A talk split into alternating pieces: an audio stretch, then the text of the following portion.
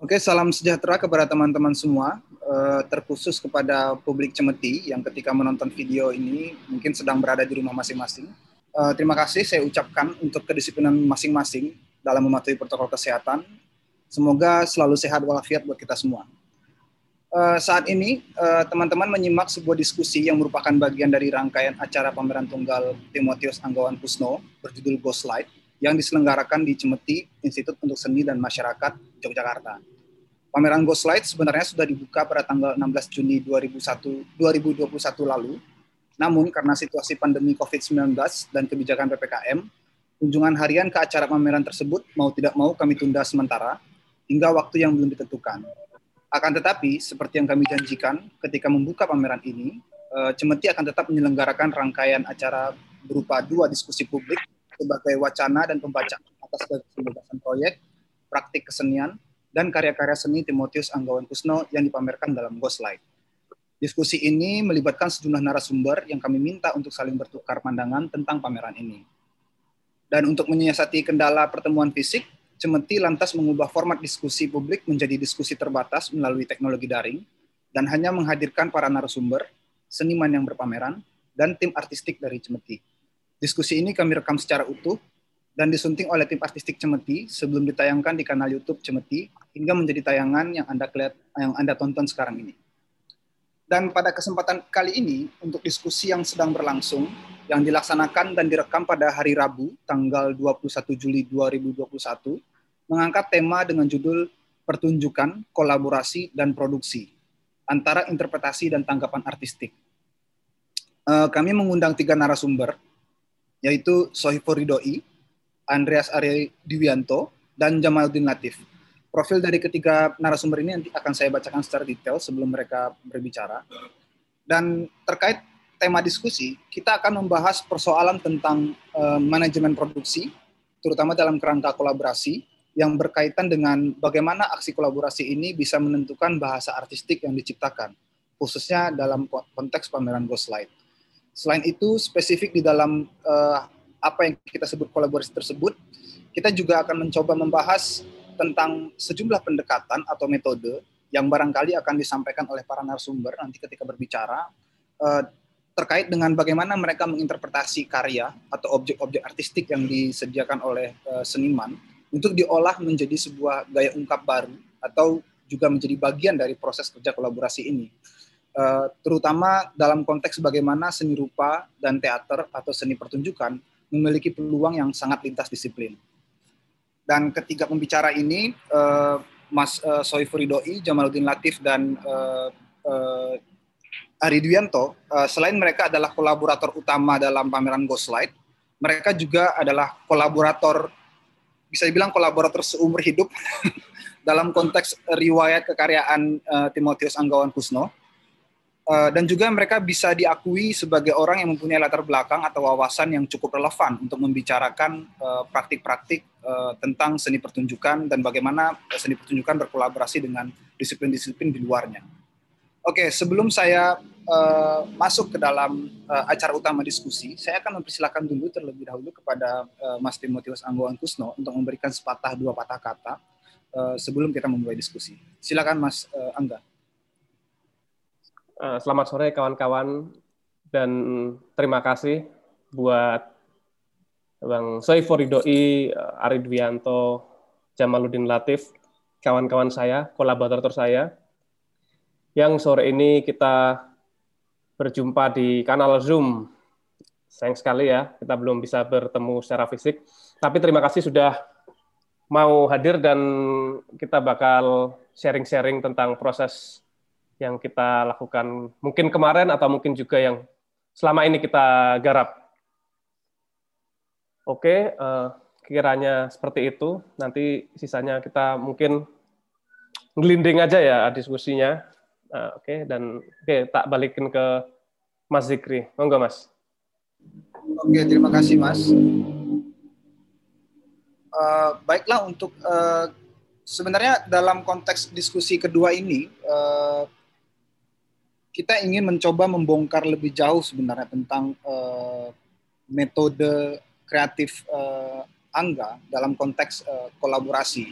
Karena di awal ketika uh, membicarakan ide pameran ini, uh, uh, sewaktu Mas Angga mengatakan bahwa dia akan berkolaborasi dengan beberapa orang dalam membuat karya uh, video terutama, dan kemudian ketika uh, menyimak proses yang dilakukan oleh anggaran kawan-kawan, uh, ada satu hal uh, yang saya kira uh, menjadi uh, persoalan, di mana persoalan ini kerap dianggap uh, hal yang remeh-temeh di dalam konteks uh, kegiatan kesenian yaitu tentang manajemen produksi. Uh, dan dalam prosesnya saya mengira uh, bahwa manajemen produksi yang dikelola oleh uh, Angga dan kawan-kawan ini memiliki dampak tertentu dalam konteks uh, apa, bahasa artistik yang mereka tawarkan di proyek ini. Nah, saya harap uh, mungkin dari obrolan kita nanti kita bisa melihat kaitannya bagaimana kolaborasi itu mempunyai pengaruh. Nah, untuk uh, pembicara pertama mungkin saya akan mencoba dulu untuk uh, meminta Mas uh, Sohifur Ridhoi uh, karena dia uh, adalah uh, orang yang selain menulis esai tentang proses dari kolaborasi ini, uh, dia juga menjadi orang yang uh, uh, bisa dibilang sebagai dramaturg dari uh, karya uh, video uh, Luka dan bisa aku bawa berlari yang dijadikan sebagai uh, proyek uh, apa pertunjukan sebelum diolah uh, lagi menjadi uh, film. Tapi sebelumnya saya akan membicarakan dulu, uh, membacakan dulu biografi singkat dari Mas uh, Sohifuri Doi. Uh, Sohifuri Doi adalah kelahiran tahun 1990 di Sumeneb, merupakan seorang seniman dan sutradara pertunjukan. Ia kerap menulis naskah drama, puisi, dan esai uh, tentang seni-seni pertunjukan. Tahun 2016 ia mendirikan Roka Theater, kolektif seni berbasis di Yogyakarta, Kemudian ia dengan karya-karyanya selalu uh, melibatkan uh, pendekatan serta medium penciptaan lintas disiplin. Dan beberapa karyanya berhasil dipresentasikan di eh, acara-acara atau panggung-panggung seni penting di Indonesia, uh, misalnya di Salihara, Jipfest, kemudian juga mendapat hibah seni PSBK di Arjok, kemudian Pekan Teater Nasional TBY Samarinda. Dan baru-baru ini juga dia melahirkan karya normal baru di konteks Biennale Indonesia tahun 2020. Oke, untuk tidak mempanjang waktu, saya silakan untuk pada Mas uh, Ridhoi untuk sedikit memberikan pandangan awal uh, mengenai proses yang dilakukan selama ini. Silakan Mas Ridhoi. Terima kasih Mas Mansur Zikri. Di uh, perkenalan tadi ada yang perlu saya revisi. Saya tidak pernah pentas di komunitas Salihara. saya tidak tahu itu dapat dari mana data, tapi nggak apa-apa uh, saya mulai. Saya akan bergerak dari uh, tor yang diberikan oleh uh, Cemeti kepada saya dan uh, supaya uh, apa yang akan saya sampaikan ini uh, runut, tidak melompat. Nah, mula-mula uh, di tor itu uh, Mas Zikri bilang soal uh, pengalaman saya ketika datang ke acara pembukaan pameran.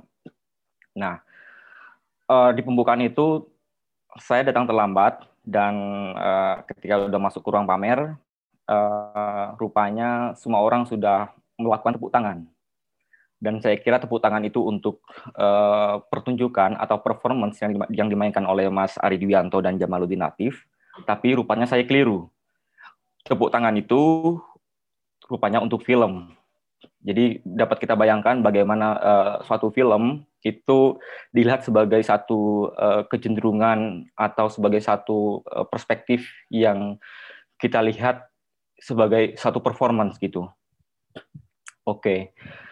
Saya mula-mula akan uh, berangkat dari ketika saya masuk ke dalam ruang pamer, yaitu saya mendapati satu ruang di mana uh, saya tidak mendapati galeri dalam arti dalam konteks tertentu gitu.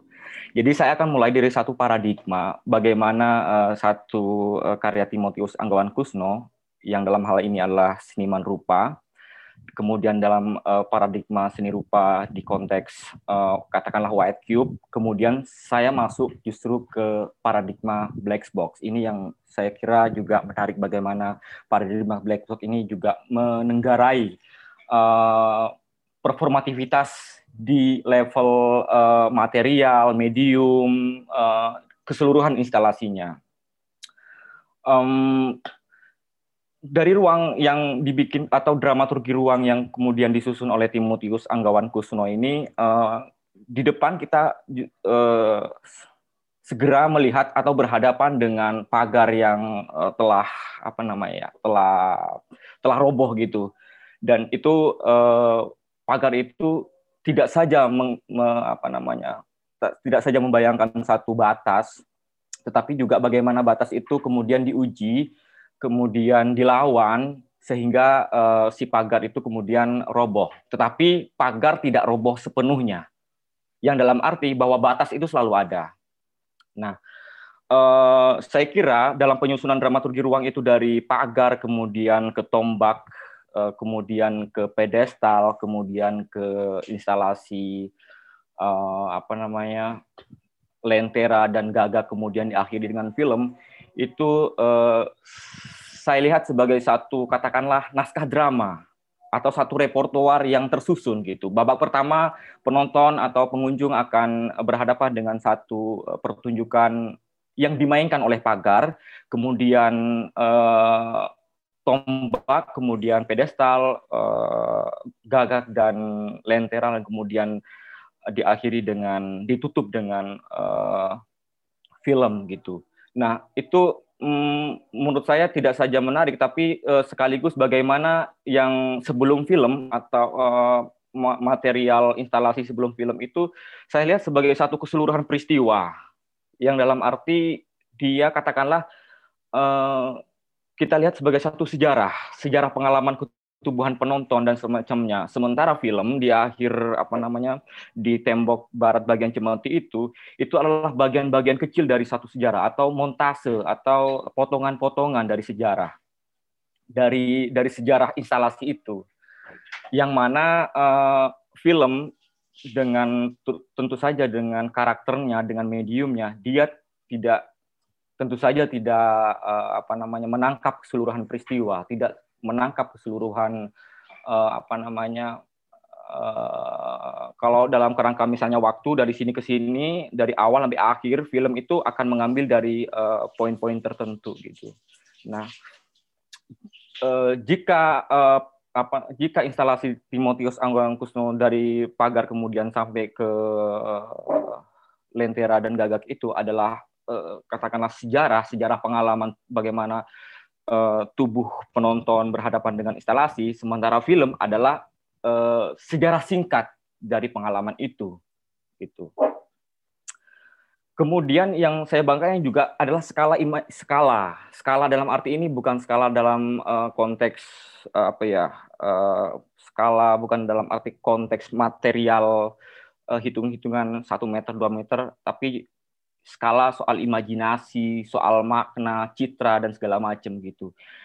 Uh, di pagar misalnya uh, pengalaman kita memasuki pagar itu kita punya skala imajinasi tertentu soal batas gitu. Kemudian uh, skala yang dicitrakan oleh pedestal kita segera bertemu dengan monumen yang tak utuh, monumen yang hancur atau monumen yang akan dibangun atau satu sketsa monumen itu tuh uh, apa namanya kemudian uh, masuk ke lebih ke dalam lagi. Ada lentera dan kemudian uh, gagak. Itu menawarkan tidak hanya skala kebesaran apa apa uh, kolosalnya medium tapi juga bagaimana kerumunan itu bekerja di sana gitu.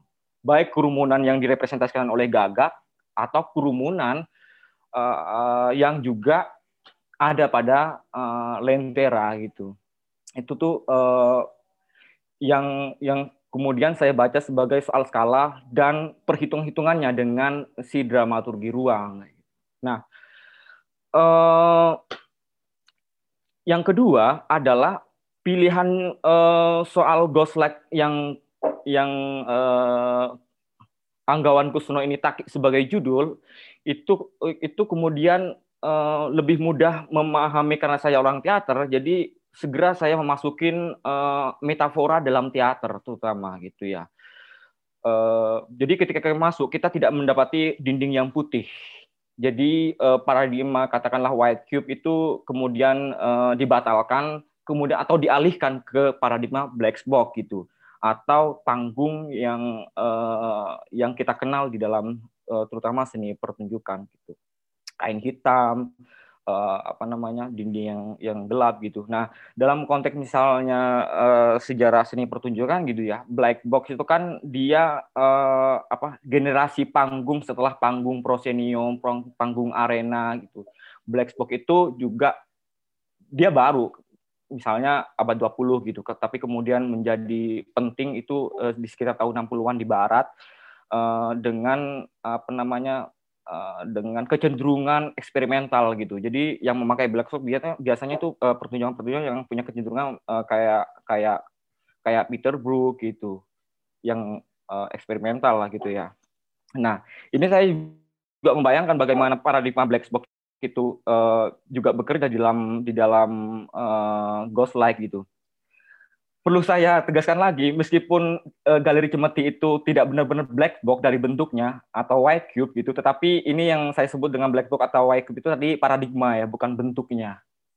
Nah, terus uh, di black box itu kan apa yang satu yang gelap itu kan uh, dia nggak punya batas. Gelap dinding itu dia bukan batas, tapi dia adalah sesuatu yang imajiner atau kegelapan yang luas. Uh, kalau misalnya uh, kita pernah baca uh, ceritanya George Louis Borges soal dia ngomongin tentang labirin misalnya Borges. Labirin itu bukan uh, bukan sesuatu ruang tempat yang memiliki banyak pintu. Tetapi labirin itu uh, suatu tempat atau suatu ruang yang tak terbatas di mana ketika kita melihat ke depan kita tidak melihat batas gitu dan kita nggak tahu mau ke mana gitu. Seperti halnya labirin. Ini um, mohon maaf kalau uh, saya keliru soal pembacaan Borges soal labirinnya gitu. Nah di Ghost Like itu uh, saya menemukan justru labirin gitu. Jadi ketika kita berhadapan dengan uh, misalnya pagar itu sebenarnya pagar itu bisa diimajinasikan dia sangat panjang sekali. Tidak terbatas pada dindingnya si cemeti gitu. Dia bisa uh, apa namanya sangat panjang dan tak terbatas juga uh, apa tombak yang menembus dari dinding itu itu juga bisa tak terbatas gitu atau tombak itu bisa banyak sekali dan seterusnya dan seterusnya. Oh, jadi uh, bagaimana paradigma black box itu juga dan uh, apa metafora dalam teater di dalam Ghost Flag itu juga dikerjakan oleh uh, Timotius Anggawan Kusno gitu. Dan uh, ini sekaligus juga tadi yang saya sebut sebagai skala gitu meskipun misalnya ruang cemeti itu uh, tidak terlalu besar tempatnya, tetapi dengan dengan uh, menghadirkan ruang hitam gelap dan lampu yang uh, hampir seluruhnya temaram, itu tuh uh, kita sesungguhnya atau berada di dalam satu labirin. Oke, selanjutnya ini berdasarkan kantor. Saya uh, tidak banyak bekerja dengan Timotius Anggawan Kusno ini kecuali uh, sebelumnya tahun 2017 kalau nggak keliru itu uh, yang salah satu salah satu karyanya di Bienal Jogja tentang kematian macan gitu. Waktu itu kami bekerja saya uh, Timotius Anggawan Kusno dan Ari Duganto juga Jamaluddin Latif uh, dan juga Teguh Hari gitu ya tapi uh, di luar saya tiga orang tiga orang atau empat orang selain saya itu sebenarnya sudah bekerja sama sebelumnya sejak tahun 2009 dengan proyek yang disebut proyek kode hijau. Jadi saya anak baru sebenarnya uh, bekerja dengan Mas Angga ini. Nah, pengalaman lain yaitu ketika saya datang ke satu pamerannya tentang uh, pendudukan Jepang di Galeri Gejayan.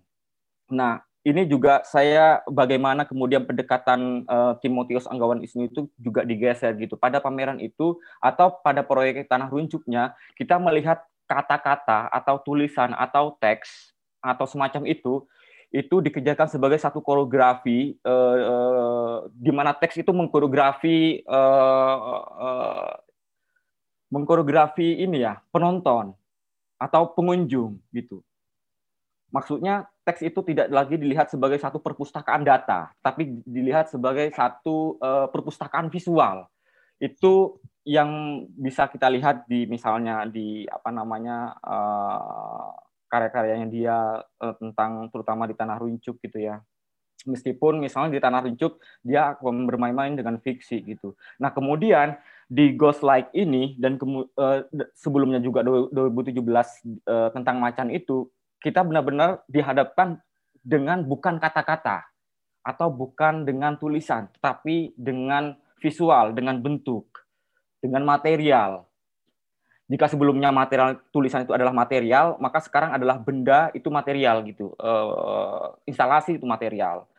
Nah, uh, ini yang kemudian menarik bagi saya adalah uh, dalam proses uh, proses kor, apa namanya kolaborasi kami justru kami tidak memasuki uh, apa namanya tidak memasuki ghost like sebagai satu pengertian sejarah di dalam teater dan bagaimana hubungannya dengan misalnya karena Timotius Anggawan Kusno juga ngomongin soal sejarah kolonialisme dan seterusnya kami tidak uh, memasuki lewat sana. Itu tentu saja kita bicarakan, tapi semacam diskusi kecil. Kami justru memasuki lewat uh, lewat material langsung, lewat instalasinya. Uh, di pertemuan misalnya di pertemuan pertama kami uh, uh, si Angga ini langsung membawa materialnya gitu, uh, instalasinya. Dan di situ kami langsung segera berdiskusi tentang si material itu. Nah, yang yang justru mengkoreografi diskusi kita itu adalah material material itu. Apa yang disarankan oleh pedestal ini atau diskusi tentang apa, wacana tentang apa yang disarankan oleh pedestal, oleh gagak, oleh lentera, oleh dan macam-macam gitu. Jadi kita nggak berangkat dari satu yang abstrak. Jadi kita berangkat dari satu yang konkret, kemudian melihat suatu abstraksinya. Itu mula-mula yang uh, kami kerjakan. Bagaimana satu pengertian, satu makna itu uh, tidak di tidak dilahirkan, tidak diciptakan melalui satu perspektif yang luas, tetapi langsung ke material gitu. Nah, uh, kemudian karena yang kami hadapi itu adalah adalah bentuk, adalah benda, adalah adalah instalasi, maka yang segera terdiskusi adalah kemungkinan repertoar. Repertoar itu bisa jadi adalah repertoar uh, pertunjukan. Kemudian yang paling utama adalah repertoar pengetahuannya gitu atau wacananya. Bagaimana uh, bagaimana suatu pedestal itu uh, membuat membentuk satu repertoar wacana tentang bagaimana ingatan itu dilembagakan, diinstitusikan dan seterusnya gitu. Uh, begitu. Nah, kemudian uh, kami tidak terlalu banyak berdiskusi soal apa namanya soal eh, soal latar belakang latar belakang apa namanya wacana yang hendak digulirkan oleh Angga gitu kami uh, langsung bekerja dengan benda dan lalu bertemu dengan tubuh aktor gitu atau aktor yaitu Jamaluddin Latif Ari Dwianto. Nah di sini uh, yang menariknya adalah Jamaluddin Latif dan Ari Dwianto ini sudah ditempa uh, latihan keaktoran yang bertahun-tahun gitu. Dan saya kira baik baik uh, materi instalasinya Timotius Anggawan Kusno dan Jamaluddin Latif tubuhnya sebagai material yang juga punya sejarah itu bagaimana dia bertemu uh, dua hal ini gitu itu yang menarik apabila uh, misalnya aktor ini bukan Jamal dan Mas Ari kemungkinan juga akan berbeda hasilnya gitu. Bukan hanya kemungkinan, pasti berbeda. Karena uh, setiap tubuh yang hadir di sana dia uh, apa namanya mengemban satu sejarah ketubuhan panjang gitu tentang keaktorannya, latihan-latihan yang dilakukan dan seterusnya gitu. Sementara juga di materialnya uh, Angga ini juga dia punya beban makna juga gitu. Dia nggak berangkat dengan kosong, sementara Jamaluddin dan Ari Dwianto dia juga nggak berangkat dengan kosong gitu. Nah, kemudian ketika dia uh, dua hal ini bertemu, bagaimana satu koreografi ini uh, diberlangsungkan gitu. Nah, uh, dan kita bisa melihat kalau uh, kita misalnya terus-menerus mengikuti pertunjukan-pertunjukan Jamaluddin Latif Ari Dwianto, kita akan bisa memahami bagaimana tubuh uh, yang bergerak di antara instalasinya Timotius Anggonisno bentuknya seperti itu. Itu merupakan bagian dari apa namanya sejarahnya mereka juga gitu. Sementara saya saya sebenarnya sangat sepele sekali gitu. Saya cuman tugasnya menjahit aja. Jadi sebenarnya tidak terlalu penting aja Mas Jadi dari apa namanya pertemuan antara aktor dan kemudian uh, materi instalasinya ini saya menjahit menjahit uh, apa kemungkinan repertuarnya pembabakan dan seterusnya gitu. Uh, uh, apa namanya menjahit ini uh, tidak saja berkenaan dengan bagaimana kita membentuk satu pertunjukan, tetapi menjahit bagaimana masing-masing um, pembabakan itu uh, punya hal yang ingin dibicarakan gitu. Jadi tidak semata tentang visual atau tentang tentang repertuarnya ke pertunjukan Tuhannya, tetapi juga bagaimana setiap dari awal sampai akhir uh, itu ada satu hal yang ada pernyataan gitu. Misalnya eh, hmm, apa namanya visinya Hari Anwar itu eh, luka dan bisa aku bawa berlari gitu. Sebagai uh, judul anak judul dari uh, pameran ini atau uh, film itu. Itu kan uh, segera kita ngomongin soal subjek gitu ya. Nah di sini tuh uh, saya berpikir apakah subjek ini siapakah subjek apakah subjek itu Jamaluddin Latif atau Ari Diwanto? Atau subjek itu justru materialnya material instalasinya si Angga ini gitu. Itu uh, yang uh, dalam proses penjahitan saya pikirkan betul soal itu gitu. Apakah dua-duanya ini subjek? Lalu siapa yang objek gitu? Atau memang nggak ada objek gitu. Dua-duanya sama-sama mengkoreografi. Jamaluddin Latif Ari Diwanto mengkoreografi material instalasinya uh, uh, Anggawan Kusno, kemudian materialnya Timotius Anggawan Kusno mengkoreografi Jamaluddin Latif gitu, misalnya kayak gitu tuh. Uh, kenapa bisa saya bilang bahwa uh, apa namanya si benda-benda ini punya kemungkinan untuk koreografi? Karena misalnya um, ketika Jamal dan Ari itu berhadapan dengan pedestal, dia segera tubuhnya segera membentuk patung gitu. Nah, ketika dia tubuhnya dia berhadapan dengan uh, gagak dan dan dan lentera, tubuhnya berubah gitu. Itu uh, sekaligus um, apa namanya uh, segera memperlihatkan bahwa si si uh, material instalasi ini punya daya untuk mengkoreografi orang-orang ini gitu. Uh, uh, begitu. Nah, kemudian karena tadi saya ngomong soal sejarah tubuhnya Ari Dwianto Jamaluddin Latif yang kemudian uh, apa namanya material uh, instalasi si Timotius Anggawan Kusno ini juga punya beban uh, misalnya wacana sejarah yang pekat misalnya tapi sejarah itu tidak benar-benar misalnya berpijak pada satu satu misalnya referensi tertentu gitu. Ini sejarah tentang Indonesia, ini sejarah tentang enggak gitu. Tapi ini sangat abstrak sekali. Makanya kemudian saya melihat bahwa ternyata ternyata uh, sejarah misalnya soal kolonialisme dan sebagainya itu kayak menubuh segera segera menubuh gitu.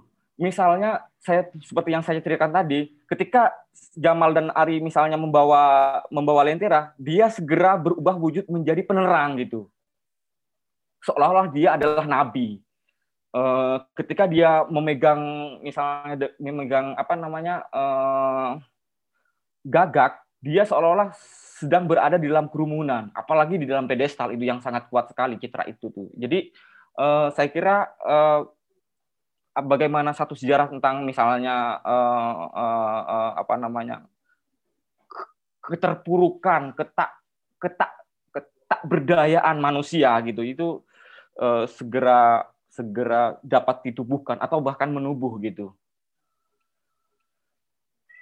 Uh, ini maaf Mas Dikri, ini saya ada beberapa yang apa namanya agak panjang, tapi nggak apa-apa ya. Apa saya teruskan? Oke. Tidak apa-apa mas, silakan. Jadi dielaborasi secara mendalam memang tujuannya. Terus bro, kasih gas. nah, soal uh, tadi soal ngomongin sejarah, artinya kita sedang membicarakan soal uh, bagaimana sejarah bekerja dalam kerangka kolektivitas gitu. Jadi uh, yang diajukan Timotius Anggawan Kusuma itu bukan sejarah uh, domestiknya dia, tapi sejarah di luar rumahnya dia atau sejarah di, di luar rumah kita semua gitu. Uh, uh, uh, nah, ini yang kemudian saya pikirkan soal di proyek kolaborasi. Apakah kolaborasi ini penting, signifikan atau enggak gitu. Nah, saya pikir ini signifikan uh, karena uh, berangkat dari si kerangka tematik si Timotius yang uh, sering bekerja dengan tema-tema sejarah dan juga bagaimana uh, kita bekerja secara kolektif gitu. Jadi uh, itu yang menurut saya uh, penting. Bagaimana kerja kolaborasi ini menantang kita, uh, bagaimana yang kolektif menantang menantang tentang yang kolektif juga berkorespondensi dengan pengalaman individu gitu. Maksudnya uh, apakah pengalaman kita tentang sejarah, misalnya pengalaman Timotius saya dan kemudian Ari dan Jamal itu uh, punya bahasa yang sama atau berbeda gitu. Apakah sejarah kolektif itu berkorespondensi dengan pengalaman kita yang individual kayak gitu tuh. Nah, Uh, dan bagaimana setiap individu berpikir bahwa misalnya pedestal monumen itu bekerja sebagai perlembagaan ingatan atau tidak atau cuma itu sebagai cuma monumen tugu-tugu peringatan gitu. Nah ini yang uh, aku rasa aku tertarik dengan mau mau maksudnya uh, terlibat di proyek ini karena uh, dua hal itu. Bagaimana tema-tema sejarah dikerjakan secara kolektif dan uh, itu yang apa namanya mungkin kalau ini dikerjakan sama Angga sendiri gitu uh, bisa jadi hasil yang hasil yang hasil misalnya pamerannya lebih oke okay, atau lebih buruk gitu lebih nggak baik gitu itu kan soal implikasi ini ya implikasi material implikasi visualnya. Tetapi pada pendekatannya ini yang penting menurut saya gitu. Berbeda ketika dia kerjakan sendiri dan dikerjakan kolektif gitu. Hasilnya bisa saja lebih bagus lebih buruk tapi uh, tapi tentang bagaimana dia bersedia untuk uh, diintervensi karyanya itu kukira uh, salah satu poin yang penting di Timotius Anggawan Kusno uh, gitu nah kemudian di Tor itu ngomongin soal memadukan praktik uh, seni rupa dan seni pertunjukan nah uh, saya tidak berpikir ketika ketika uh, Angga ini mengajak saya, saya tidak berpikir sedang bekerja dengan seni rupa atau seni pertunjukan gitu. Jadi apalagi dalam dalam uh, praktik kita masing-masing gitu uh, pertunjukan maupun berseni rupa itu kayak kayak apa namanya kayak sudah dua disiplin itu kayaknya apa namanya tak terbedakan gitu. Bisa saja itu terbedakan karena wataknya watak karyanya berbeda-beda. Tetapi dalam konteks uh, praktik sekarang itu aku tidak berpikir untuk dalam skala pembedaan ini aku sedang bikin seni rupa aku sedang bikin pertunjukan. Enggak gitu. Kita sedang bikin karya gitu. Karena misalnya uh, teater juga bekerja dengan visual sementara seni rupa mau nggak mau juga bekerja dengan ruang. Mau nggak mau juga bekerja dengan waktu. Itu juga waktu dan ruang itu uh, adalah salah satu hal penting yang uh, di dalam seni pertunjukan. Selain itu juga ada tubuh gitu ada aktor katakanlah begini. Katakanlah begitu. Nah itu tuh uh, apa namanya segera mendamaikan. Saya tidak sedang uh, tidak sedang ingin membicarakan dua hal disiplin ini sebagai sesuatu yang uh, apa namanya terpisahkan ya udah kita bekerja gitu nah uh, sebelumnya ketika Angga ini ngomong saya, aku mau bikin film gitu. Terus kemudian ketika pertemuan-pertemuan uh, dua kali entah kemudian dua kali, kemudian terbesit di kepala kita, apa, kenapa kita nggak bikin pertunjukan aja gitu, atau bikin teater lah katakanlah gitu. Kenapa kita hanya bikin film? Kalau bikin film kita bisa nulis skrip, kemudian skrip itu uh, apa namanya langsung syuting lah gitu, sama aktor, sama kamera gitu tapi kita memilih pertunjukan. Nah, dalam skala ini kita melihat bahwa aku melihatnya pertunjukan sebagai satu ini mah sebagai satu ke, keutuhan peristiwa, tetapi keutuhan peristiwa ini tidak dapat dilihat secara detil. Maksudnya begini, ketika kamera masuk ke dalam pertunjukan, dia menangkap detil-detil, tapi dia tidak menangkap keluasan. Sementara pertunjukan dia hanya keluasan tapi tak menangkap detail gitu. Jadi uh, di pertunjukan uh, kita tidak akan dinonton di teater misalnya, kita tidak akan uh, sangat tajam melihat bagaimana gerakan bibirnya aktor, apa namanya juga bola matanya aktor gitu, gerakan rambutnya dan segala macam. Tapi di kamera itu mungkin gitu. Jadi nah uh, uh, yang yang kemudian saya lihat adalah uh, bagaimana satu film itu berangkat dari pertunjukan itu sesungguhnya uh, video itu adalah sejarah pendek, sejarah singkat dari si pertunjukan itu sendiri. Jadi kayak kami membuat satu satu per, satu sejarah dari perjumpaan antara aktor kemudian dengan dengan dengan instalasinya. Nah, kemudian sejarah ini kemudian dilihat perbagian-perbagian gitu. Jadi uh, dalam dalam konteks misalnya pengata uh, apa namanya wacana sejarah, kita kadang misalnya membaca sejarah dalam konteks yang sangat luas sekali gitu. Tapi dalam konteks yang luas itu kita kehilangan detail-detail gitu. Nah, kehilangan detail-detail ini kita temukan di dalam filmnya gitu. Kayak gitu. Uh, nah kemudian di dalam akhirnya ketika pertunjukan itu sudah uh, apa namanya uh, ketika pertunjukan jadi dan kemudian kamera masuk ke dalam panggung maka yang bekerja adalah bagaimana kamera juga bekerja sebagai aktor atau katakanlah tubuh gitu jadi tidak semata kamera menangkap menangkap menangkap momen, menangkap menangkap detil, tapi juga dia uh, adalah aktor yang nomor tiga atau aktor nomor empat. Dua aktor adalah Jamal dan Ari. Aktor yang ketiga adalah materialnya Timothy Sengawan Kusno dan empat adalah si kamera itu. Jadi uh, kolaborasi ini juga bekerja uh, antar subjek manusia kami seniman, tapi juga secara kolaboratif juga uh, antar benda, antar material. Terima kasih. Oke, terima kasih Mas uh, Soiful Ridhoi. Ya, sebelumnya saya ingin minta maaf karena kekhilafan saya terkait biografi Mas Ridho. Itu saya kutip dari situs PSBK, uh, eh, publikasi uh, pameran Gugus Bagong ya. Tapi tetap kesalahan saya karena tidak memverifikasi terlebih dahulu dan terima kasih kepada Mas Soiful Doi atas koreksi dan klarifikasinya.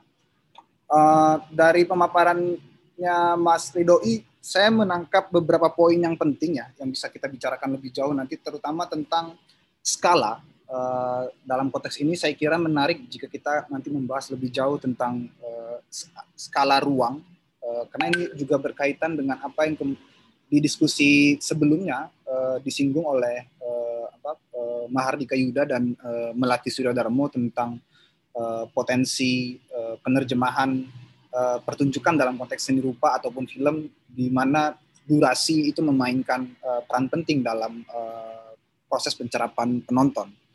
Uh, kemudian juga tentang apa yang tadi disebut oleh Mas Ridhoi sebagai hal yang sepele dalam konteks dia sebagai dramaturg menjahit pengalaman-pengalaman atau sejarah-sejarah antara objek artistik dari uh, Angga dan uh, ketubuhan kedua aktor. Tapi saya kira uh, terkait dengan menjahit ini juga penting ya karena uh, bagaimana uh, proses pemilahan narasi itu menjadi uh, penentu utama dalam dalam uh, bagaimana karya ini nanti akan di apa dicerna oleh uh, publik.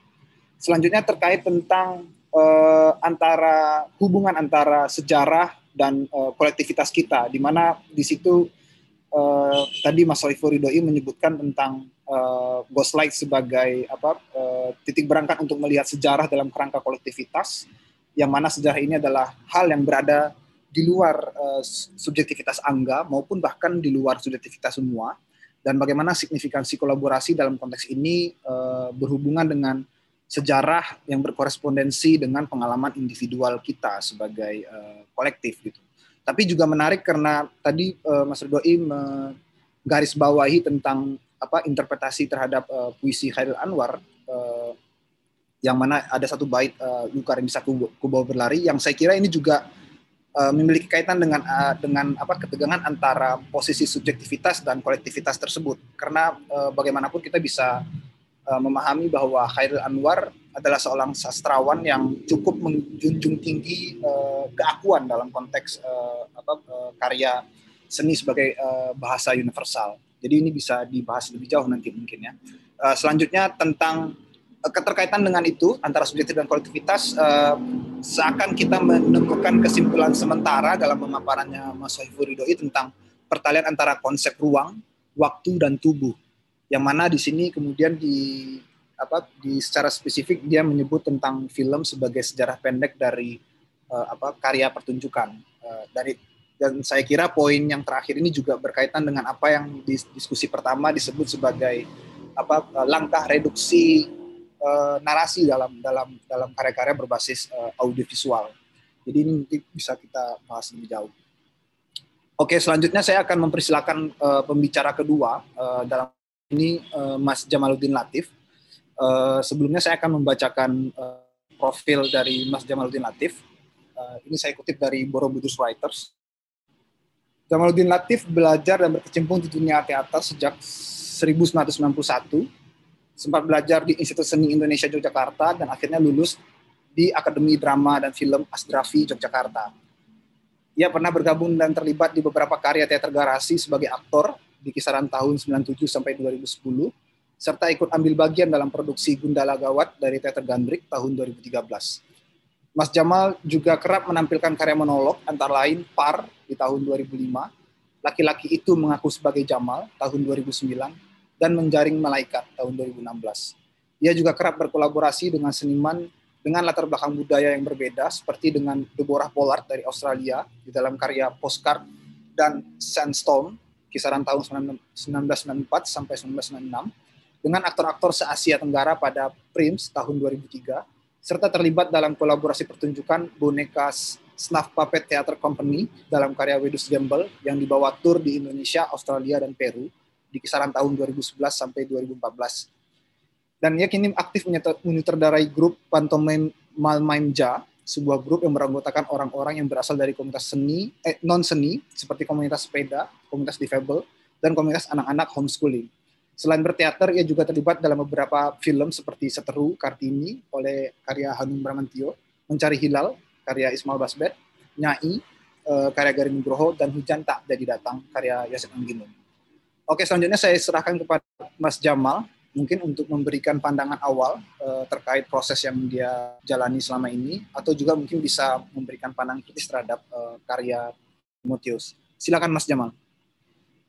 Ya, uh, selamat sore teman-teman.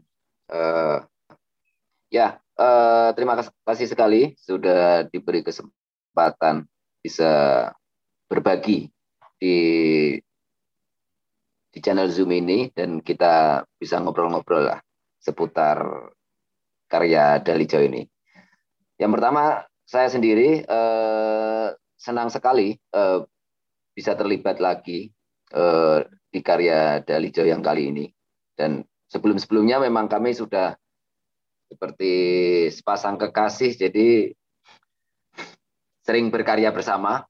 Jadi uh, tidak sebagai kekasih yang berkarya gitu, jadi sudah sangat hafal, sangat hafal cara-cara masing-masing berkarya. Yang pertama memang eh, saya senang sekali ketika uh, karya yang kali ini memang terbuka ketika uh, Dalijo memaparkan karya-karyanya yang berupa benda benda-benda yang ditampilkan yang dipamerkan di Cemeti kali ini. Ya, uh, buat saya ini sangat menarik sekali ketika ngomongin perihal ingatan, perihal uh, kolonialisme dan yang lain-lain itu, itu sebagai titik awal uh, saya dan Ari Inyang terutama untuk bagaimana uh, aku sebagai aktor juga tubuhku uh, merespon atau bekerja bareng dengan benda-benda tersebut. Uh, di awal-awal proses memang uh, agak agak apa ya agak sedikit membingungkan buat saya gitu ada banyak hal yang sangat luas begitu dan tapi untungnya ada Mas penjahit Saiful itu si dramaturg yang kemudian eh, bisa memetakan bersama bagaimana bagaimana eh, kita bisa mulai start eh, bagaimana cara kita bisa mulai start untuk berkolaborasi dengan karya-karya eh, Delijo ini. Ya dan cukup dan aku pikir cukup menarik caranya yaitu dengan kita mengenali benda-benda sebetulnya. Dan kalau ngomongin soal objek gitu, benda gitu, dalam disiplin saya sebagai pelaku teater gitu, aktor, kita cukup cukup apa ya, cukup cukup dekat gitu. Bagaimana seorang aktor itu ketika di panggung misalnya, itu satu hal yang apa ya, jadi katakanlah semacam fundamental lah gitu ya bahwa aktor tuh mungkin aktor bisa berdiri berdiri sendiri di tengah ruang kosong gitu. Tapi bila ada benda seperti apakah kita berada bersama benda itu di dalam satu ruang. Itu satu apa ya, yang tadi aku bilang fundamental ketika kita eh, cara berpikir kita kita menyatu bersama benda-benda tersebut. Itu yang sering eh, kita lakukan sih biasanya di dalam proses-proses berteater gitu atau latihan-latihan teater gitu. Di dalam latihan teater pun kita sering sekali menggunakan atau menghadirkan benda-benda itu ke dalam ruang kita berlatih gitu. Agar kita membiasakan diri sebagai aktor membiasakan diri dengan benda-benda apa pun ya. Kadang dulu kalau kalau kalau saya boleh balik ke dulu ya atau bahkan sampai sekarang gitu ya. Suka suka mencari benda apa pun ya. Benda kita taruh di satu titik tempat latihan, bagaimana kita akan menggunakan benda itu menjadi bagian terpisah atau menyatu dengan tubuh kita itu eh, itu menjadi bagian apa ya katakanlah menjadi bagian metode latihan kita gitu. Terutama ketika ngomongin tubuh gitu. Kita sering sekali eh, melakukan eksplorasi-eksplorasi gitu. Atau biasanya kita sering menyebutnya improvisasi, berbasis improvisasi gitu. Kita bergerak bebas, kadang tanpa benda gitu, bergerak bebas, mendengarkan musik, kemudian kita kita hadirkan benda, sebuah benda, sebuah benda ke dalam satu ruangan yang kosong itu. Hanya saya dan bersama benda tersebut. Atau kalau kemudian kita latihan berbanyak orang, mungkin bisa beberapa orang merespon satu benda itu dan yang lain sebagainya. Berdua dengan satu benda, bertiga dengan satu benda, berlima atau bersepuluh dengan satu benda gitu. Atau satu orang dengan banyak benda, itu akan menciptakan seperti apakah uh, tubuh-tubuh yang muncul ketika berhadapan dengan benda-benda tersebut. Kadangkala, kadangkala juga sebuah benda atau objek itu eh, tanpa perlu kita maknakan tertentu, ya hanya benda gitu. Kita tidak perlu mengupas dulu sebagai sebuah proses ya. Kadang kita tidak perlu mengupas dulu. Oh, kenapa ada sebuah kursi itu? Apa itu kursi? Apa relasi kursi dalam kehidupan sosial? Bla bla bla itu kadang Eh, kadang pada proses latihannya kita tidak perlu sejauh itu membedahnya gitu. Dalam konteks ya kita cukup merespon bagaimana tubuh dengan sebuah benda gitu. Nah, tapi pada step selanjutnya pada proses-proses latihan biasanya di dalam teater kita terkadang mulai memasukkan pada step selanjutnya memasukkan apa itu kursi. Kenapa kursi itu berada di situ? Itu kursi punya siapa? Kursi itu punya makna lain enggak? selain kursi sebagai sebuah fungsi tempat duduk gitu atau hal-hal yang lain. Nah, itu kadang kita masukkan ke dalam apa ya menyebutnya ya kerangka berpikir aku sebagai aktornya yang membawa tubuhku gitu ketika melakukan melakukan eksplorasi bersama benda itu. Nah, ketika muatan-muatan makna, arti atau hal-hal yang lain itu masuk ke dalam kepalaku, dan menambah katakanlah apa ya memberikan aksesoris ke dalam tubuhku sebagai sebuah aksesoris kemudian tubuh ini tidak saja bergerak sesuai keinginannya tapi dia semacam punya apa ya punya aku suka membahasakannya sebagai sebuah jalan cerita lah. Sebagai sebuah jalan cerita. Kenapa aku bergerak mendekati sebuah kursi? Kenapa aku menjauh? Atau kenapa aku kemudian mengangkat sebuah kursi? Atau aku menendang-nendang kursi atau memukul-mukul kursi? Itu karena tubuhku eh, hendak menyampaikan sesuatu. Atau yang tadi aku bilang eh, aksesoris-aksesoris itu yang aku masukkan ke dalam ke dalam eh, laku eksploratif atau katakanlah improvisasi tersebut. Gitu. Nah itu gambaran awal. Maksudnya ketika nah ketika memasuki pada proses awal bersama karya Dalijo yang luka dan bisa kubawa berlari ini uh, aku sangat tertarik sekali karena uh, yang awalnya memang katakanlah dari Jawa meminang, yuk kita bikin sesuatu. Uh, ini tapi film ya, kayak gitu. Oh ya film, maksudnya gimana? Bla bla bla bla bla bla. Dan kemudian, oh ternyata juga nggak bisa film aja nih. Sepertinya kita mesti bikin pertunjukan. Seperti tadi, seperti tadi penjahit kita bilang, kayaknya pertunjukan deh. Tetap kerangkanya ini ada black box, ada uh, ruang hitam yang ya teater banget gitu.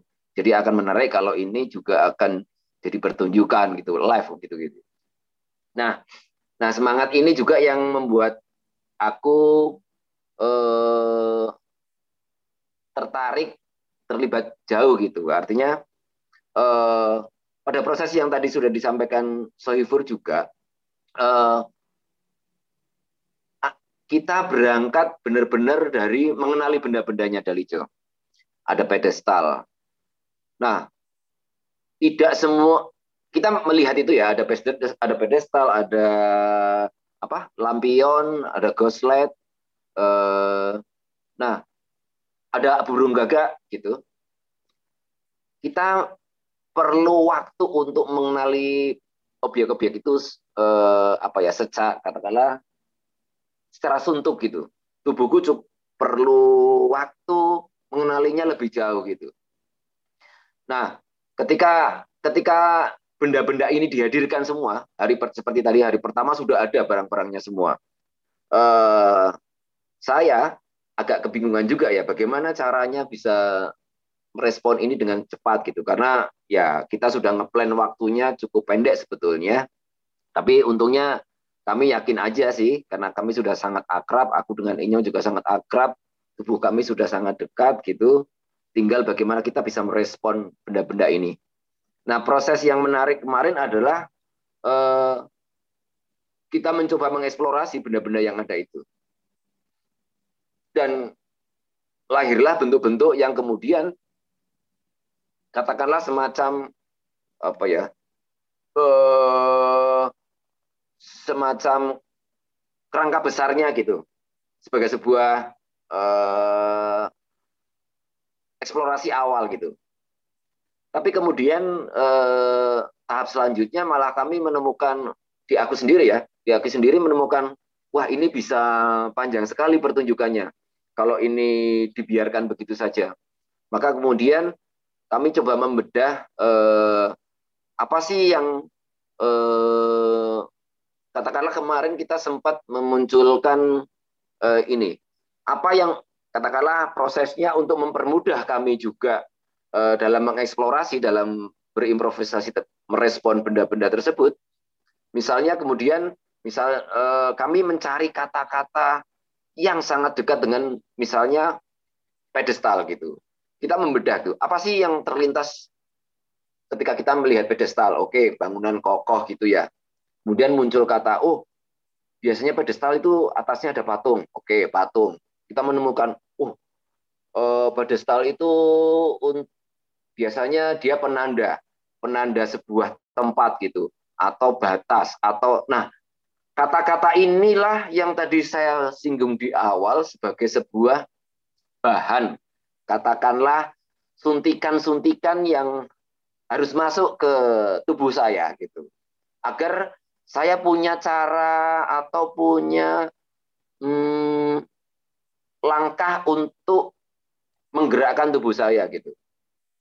Nah itu sangat membantu eh, Mas penjahit kita ini cukup cerdas ngasih kak eh, ketika diskusi itu teks-teks yang terkumpul itu cukup membantu saya ketika saya mengeksplorasi pedestal gitu. Begitu juga dengan uh, burung gagak, dengan lampion gitu-gitu ya. Pada burung gagak misalnya, burung gagak tidak hanya sebagai sebuah sebagai seekor burung yang memakan bangkai gitu, tapi kita menemukan kata-kata yang lain misalnya bahwa dia sebagai uh, pembawa berita gitu, informasi yang atau sesuatu yang kelam gitu. Nah, teks-teks yang muncul itu mungkin nanti Soifur bisa share beberapa catatan-catatan kita. Kat, apa? Kata yang sempat muncul dalam eh, objek-objek yang dihadirkan Dalijo ini. Karena itu sumber awal juga eh, suntikan-suntikan yang sebagai bahan kita untuk bereksplorasi. Demikian juga dengan ketika kita mengeksplor eh, apa lampion gitu. Apa sih yang muncul dari lampion gitu? Situasi seperti apa? Baik itu lingkungan terdekat, lingkungan terjauh gitu, eh, atau sosial sampai ke sosial politik dan yang lainnya gitu. Teks-teks itu yang cukup membantu menyuntik saya untuk melakukan eksplorasi-eksplorasi terhadap objek-objek tersebut gitu. Nah, eh, ya tadi seperti yang disampaikan sampaikan Soifur Doi, eh, pertunjukan ini memang eh, cukup unik karena kemudian dia tidak hanya berhenti pada pertunjukan itu sendiri, tapi kemudian ketika dia melewati uh, memasuk dimasuki dengan media yang lain yaitu film, uh, ada hmm, kalau saya melihat ada semacam ngezoom gitu. Jadi tubuh kita, saya sebagai aktor itu jadi lebih terlihat gitu. Kalau di panggung sesungguhnya misalnya di black box ya itu tadi seperti yang dicontohkan Saiful Ridhoi mungkin detail-detail yang selama ini tidak terlihat di atas panggung dengan kamera itu kemudian jadi jadi memberikan informasi yang lebih kuat gitu. Nah, ketika kita bermain dengan media yang disebut kamera itu kemudian juga menjadi objek-objek yang lain kehadiran Tiba-tiba ketika saya bergerak di samping saya ada seorang kameramen melintas sebentar di depan saya itu menjadi sesuatu yang uh, apa ya? Kalau buat saya uh, katakanlah peristiwa atau peristiwa atau ingatan yang tiba-tiba melintas gitu. Ketika tubuh saya sedang melakukan uh, eksplorasi terhadap terhadap objek-objek yang dihadirkan dari Jo ini itu yang buat aku kemudian eh, setelah saya lihat hasil videonya memang wah gila ini jadi filmis banget gitu jadi keren gitu jadi menarik juga ya. Jadi misalnya sorot mata itu bisa benar-benar terlihat eh, lentik-lentik jari itu juga jadi bisa terlihat gitu gitu. Itu beberapa pandangan proses ketika saya terlibat di dalam pembuatan karya ini gitu.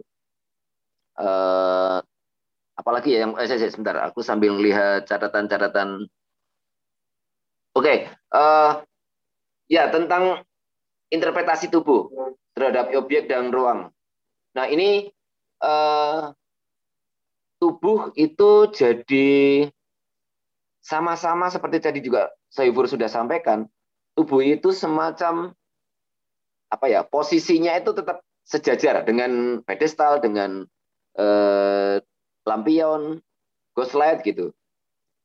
Dia semacam sedang berkomunikasi gitu berkomunikasi dengan objek-objek itu. Nah buat saya eh, ketika saya mengalami atau berhadapan langsung dengan benda-benda itu saya butuh asupan atau kalau yang tadi saya sampaikan perihal suntikan-suntikan informasi tentang objek itu juga. Agar saya lebih mudah atau lebih lebih apa ya lebih enak uh, menyusun atau membangun sebuah gerakan atau koreografi itu begitu berhadapan dengan benda atau kemudian dengan aktor yang lain dalam hal ini misalnya Inyong gitu saya sendiri bu, sudah punya apa ya katakanlah sejarah atau ingatan kedekatan tubuh antara aku dan Inyong gitu. Yang sudah sekian beberapa karya selalu bareng gitu, jadi sudah cukup hafal, cukup hafal apalah tabiat tubuhnya gitu. tabiat tubuhnya ketika melakukan improvisasi, melakukan eksplorasi dalam tubuhnya. Jadi sudah sangat hafal lah. Kalau dia ke kanan, aku bisa ke kiri. Kalau dia ke atas, aku bisa melantai dan yang lain sebagainya gitu. Uh, meskipun begitu, uh, tetap tubuh ini akan selalu mengalami apa ya perubahan usia ya kita tahulah usia tidak bisa berhenti usia terus berjalan jadi tubuh pun terus akan berubah memang juga butuh waktu ya untuk untuk mengenalnya kembali tapi bahwa kita masing-masing punya ingatan aku punya ingatan atas tubuhnya Inyong misalnya, aku punya ingatan atas tubuhku sendiri ketika di masa lampau gitu. Itu yang uh, sebetulnya kayak apa ya, kayak saklar gitu. Bisa tinggal to, bisa saya pencet saklarnya dan dia akan oke, okay, aku aku ketemu lagi dengan tubuhnya Inyong yang waktu itu.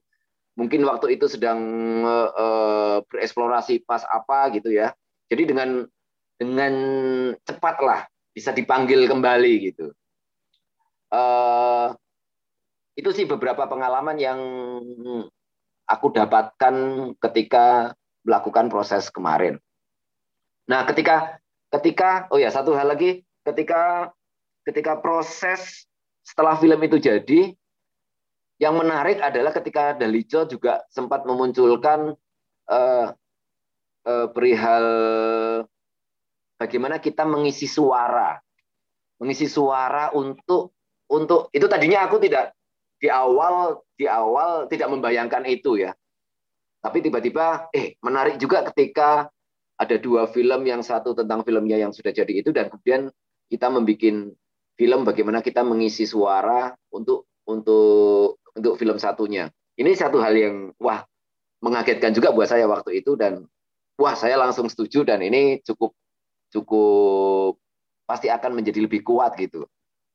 Upaya yang dilakukan Dalijo eh, gimana ya Dalijo itu memang selalu tidak tidak bisa berhenti pada satu oke okay, aku sudah membuat ini dan berhenti di sana dia akan terus terus mencari terus berubah gitu dan itu saya suka sekali dengan cara kerja yang model begitu karena karena apa pun pasti akan kita lihat ulang gitu. Apa yang sudah kita bikin apa yang sudah kita lakukan kita evaluasi lagi atau kita kritisi lagi, kita tonton lagi video yang sudah kita kumpulkan dari hasil eksplorasi kita, kita lihat lagi, kita tonton lagi apa yang bisa kita ambil, apa yang bisa kita buang, atau apa yang kemungkinan-kemungkinan lain dari apa yang sudah ditemukan gitu, dari capaian capaian pencarian dalam eksplorasi tersebut. Sampai ide apakah ini akan misalnya misalnya ide apakah video atau film ini akan berwarna atau hitam putih? Itu itu menjadi diskusi yang menarik juga ya eh, karena sempat dimunculkan bagaimana ini kalau warna kayak apa? Ini kalau hitam putih kayak apa? Apakah akan lebih kuat berwarna atau akan lebih kuat yang hitam putih? Itu itu apa ya menjadi diskusi yang menarik waktu itu ketika kita membahas dan akhirnya diputuskan menjadi hitam putih gitu. Uh, dan dalam upaya pencarian ketika mencari apa memberikan suara pada film itu eh, menghadirkan benda-benda yang memungkinkan mendekati suara itu misalnya. Itu juga itu juga satu hal yang menarik sih ketika misalnya menghadirkan eh, ban menghadirkan eh, pelek sepeda motor terus ada benda-benda eh, apa daun-daun kering itu untuk mencari efek-efek itu buat aku sih satu pengalaman baru juga gitu. Nah, ketika melihat hasil ketika saya datang di hari hari pembukaan dan kebetulan juga diminta untuk untuk perform waktu itu uh, aku dan Inyong waktu itu memang bingung juga sih ini pertunjukannya akan full atau enggak ya karena kalau full ngapain juga sudah ada videonya. jadi jadi kemudian memang oke okay lah kita mencari sesuatu yang berangkat dari video itu tapi mungkin akan menjadi sesuatu yang lain dan kita ngasih batasan batasan ruang eh, di depan sebelum eh, di area pagar sampai mendekati ke yang apa itu namanya yang go slide gitu eh, pedestal eh, sampai ke sana dan dan coba kita mencari pergerakan-pergerakan yang cukup mewakili dari video yang sudah kita buat. Karena kalau sama plug, aku pikir juga nggak efektif juga ngapain, karena sudah ada video gitu. Jadi apa yang terjadi pada hari pembukaan malam itu buat aku itu juga satu hal yang baru lagi. Satu hal yang baru lagi karena ruangnya adalah ruang apa yang sudah terekam dalam proses selama latihan kemarin eh, ketika ketika kita membuat film itu itu juga menjadi objek tersendiri di dalam tubuh saya gitu. Oh, aku sudah merekam misalnya eh, bentuk-bentuk patung. Aku sudah tubuhku sudah merekam merekam bagaimana membuat garis, bagaimana aku dibopong, bagaimana ini membobong aku dan yang lain sebagainya. Itu semacam eh, cerita-cerita lah, cerita-cerita pendek yang kemudian kita susun yang bisa jadi urutannya tidak kita sepakati di awal, tapi beruntungnya kami sudah sangat saling mengenal, jadi begitu kita saling membaca tubuh sih. Aku membaca tubuhnya Inyong, demikian juga Inyong pasti akan membaca tubuhku ketika dalam dalam melakukan pergerakan itu. Kita sudah saling respon dan kemudian terciptalah satu bentuk yang baru juga yang dihadirkan ketika dalam pembukaan tersebut. Uh, apalagi ya poin apa yang sebentar uh, ada yang terlewat nggak ya? Atau nanti bisa disambung sama Mas Inyong. Dari saya mungkin itu dulu nanti kita lanjut diskusinya.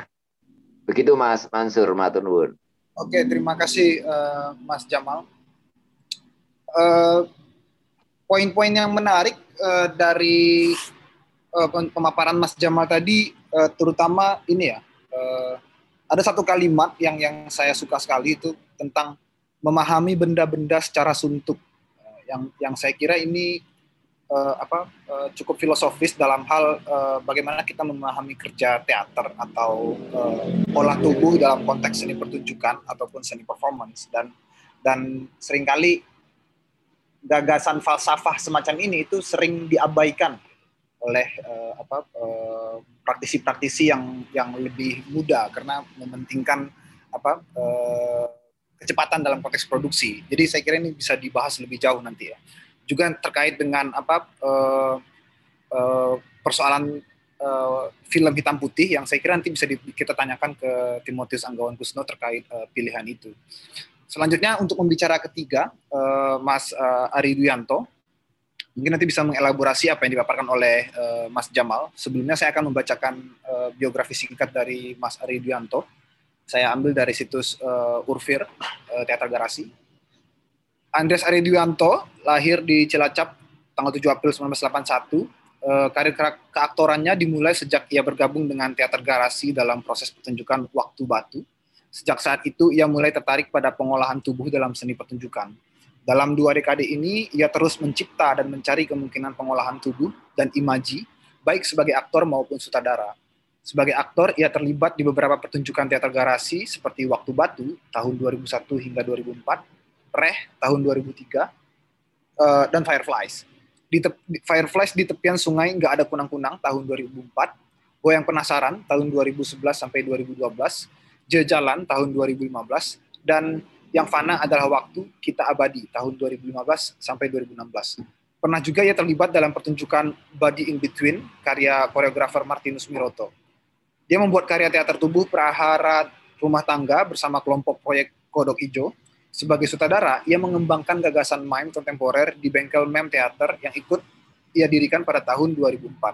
Karya penyutradaraannya antara lain Langkah-Langkah tahun 2004, Tiga Fragmen dan Suprianto tahun 2006, Suspek Datangmu Terlalu Cepat, Aku Malas Pulang ke Rumah tahun 2008, Menunggu Interpretasi Naskah Menunggu Godot tahun 2015, dan Kocak Kacik dari Naskah karya Arifin Cenur tahun 2015 karya solo performance-nya A Brief History of Dance dipentaskan di beberapa kota dan di Indonesia uh, dan di Indonesia Dance Festival tahun 2018. Dari tahun 2016 hingga 2018 terlibat juga dalam produksi pertunjukan uh, Dionysus kolaborasi Indonesia Jepang yang disutradarai oleh Tadashi Suzuki. Ia juga salah satu seniman yang menampilkan karya berjudul Monopoly Asylum Edition tahun 2020 di Urfir, Who and the Multitude of Pilgrims, sebuah proyek teater virtual yang dibuat oleh Teater Garasi biografi ini juga saya kutip dari situs yang sama. Uh, silakan Mas uh, Inyong, sapaan Mas Adi Bianto untuk uh, terlebih dahulu memberikan pemaparannya kepada kita semua. Silakan Mas. Ya, terima kasih uh, atas perkenalannya. Memperkenalkan diri saya, mungkin saya juga uh, mungkin saya tidak banyak untuk uh, mengelaborasi diskusi ini uh, karena ya bersyukur Mas Rito cukup komprehensif untuk memaparkan hal-halnya. Hmm, ya uh, paling tidak paling tidak saya bilang dalam karya Goslet ini ada ada dua dua dramatika ya. Yang pertama adalah dramatika benda-benda, dan yang kedua adalah dramatika pertunjukan. Uh, dari kedua dramatika ini seperti sedang uh, menyusun narasi. Dari dramatika benda-benda bisa kita lihat uh, dari pameran bahwa eh, benda-benda ditatan sedemikian rupa sehingga secara keseluruhan menyusun alur narasi. Nah, narasi ini eh, juga disusun oleh eh, apa? Juga disusun oleh eh, memori atau sejarah audiens atau eh, penonton pameran dengan dengan pengalaman ketubuhannya. Jadi ketika dia datang, uh, di, uh, ketika datang ke pameran, dia akan melewati pertama melewati pagar rebuh, kemudian melihat uh, mereka menjumpai pedestal yang hancur, uh, berserak gitu, the ghost light dan kemudian berjalan lagi uh, menemukan dan melihat atau menyaksikan gagak dan daerah-daerah kemudian menyaksikan peristiwa peristiwa film uh, audiovisual. Nah, saya kira itu juga pengalaman ketuban itu membentuk narasinya sendiri dari benda-benda itu. Yang kedua adalah dramatika pertunjukan. Nah, dalam dramatika pertunjukan ini proses penciptaannya adalah membangun narasi melalui pertemuan benda dengan tubuh eh, dalam hal ini performan dan ruang. Ruang ini juga ruang pertunjukan ya yang yang dipilih adalah ruang bisa uh, black box atau putih, ruang kotak putih. Ya, me, apa ber, berbicara tentang benda uh, karena karya ini memang materinya adalah benda-benda dan tubuh, jadi seperti eh, kalau saya pribadi butuh butuh sesuatu yang konkret, eh, butuh sesuatu butuh kerangka karena eh, proses penciptaannya adalah saya menubuhkan imaji. Eh, jadi butuh sesuatu yang konkret dan butuh sesuatu yang uh, butuh sesuatu yang butuh sesuatu kerangka. Seringkali ketika saya atau performer berhadapan dengan benda itu sering kali uh, benda bisa jadi superior ya. Bahkan juga kita superior terhadap benda. Jadi uh, sering kali itu tidak menjadi tidak produktif. Nah uh, proses awal sebenarnya ketika uh, memasuki proses penciptaan uh, penubuhan itu biasanya adalah bagaimana menempatkan benda dan hal-hal lain juga ruang itu pada posisi yang sama. Jadi ya biasanya adalah orientasi ruang, terus kemudian menempatkan mengenali benda-bendanya, terus menempatkan bendanya di mana, apa yang bisa kita eh, apa yang bisa kita lakukan dengan benda itu, seberapa kuat, seberapa seberapa ringkih atau seberapa ya karakter benda itu sendiri bagaimana kita bisa menggerakkannya dengan cara apa? Bersentuhan atau kita bisa berjarak dengan benda seberapa lebar, seberapa sempit ruang yang bisa kita uh, gerakan gitu. Ya, hmm, ya kembali kepada hal yang konkret atau pada kerangka itu proses penciptaan di proses penciptaan Ghostlet ini kita kami mengurai yang dilakukan adalah mengurai benda-benda jadi benda-benda diurai dan diinterpretasikan menjadi kata kunci kata kunci. Jadi kata kunci kata kunci ini eh, masing-masing benda itu diurai muncul tentu saja dalam juga kerangka eh, kerangka kerangka yang diajukan ke eh, anggawan tidak eh, kata kunci kata kunci ini tidak tidak lantas ngawur, tapi juga punya kerangkanya. Gitu. Nah, kata kunci kata kunci ini masih terasa buat saya masih terasa abstrak, walaupun barangkali ketika ketika ini langsung di di eksplorasi atau langsung digerakkan barangkali juga bisa. Tapi ini butuh butuh lagi yang butuh diturunkan lagi menjadi imaji-imaji imaji-imaji inilah yang kemudian kemudian ditubuhkan, di, digerakkan. Nah, eh, nah, benda, tubuh, dan juga ruangan masing-masing punya mempunyai imaji dan interpretasinya. Eh, jadi ketika semua itu beririsan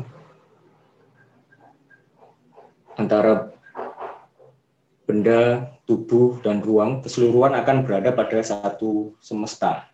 Dan semesta ini yang disebut, ya kalau saya sebut narasi. Gitu.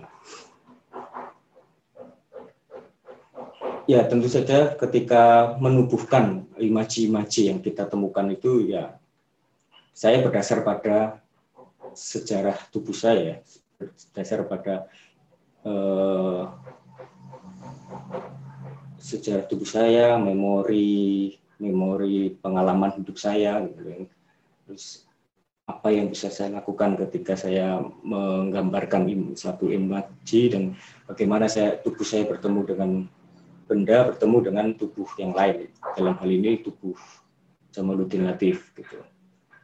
Saya ya tubuh itu eh, buat saya eksplorasi itu adalah juga proses negosiasi negosiasi negosiasi tubuh saya eh, dengan benda, dengan ruang, dengan tubuh yang lain, aktor yang lain, performer yang lain itu. Saya kira saya tidak banyak, tetapi melihat karya Ghost Light ini bahwa seni rupa dan pertunjukan itu tidak bisa lepas ya, tidak tidak bisa lepas dan ini saling mendukung ketika kalaupun bahwa saya bermain sendiri dengan di ruang yang kosong tidak ada apa-apa, tapi menempatkan menempatkan diri saya, menempatkan saya di sisi mana, menempatkan tubuh saya itu, saya kira juga adalah proses visual, uh, ada proses proses ya proses visual bagaimana akan posisi saya me, mem, uh, mempunyai makna apa atau punya efek punya efek apa pada penonton. Nah dari karya Timoteus ini dari benda-benda itu juga menghadirkan peristiwa ya dan teater itu juga adalah menghadirkan peristiwa. Jadi eh, sehingga karya Goslet bisa tidak berhenti sebagai sebagai hanya instalasi saja, tapi juga bisa dikelola dan di, diolah sedemikian untuk membuka kemungkinan yang lain.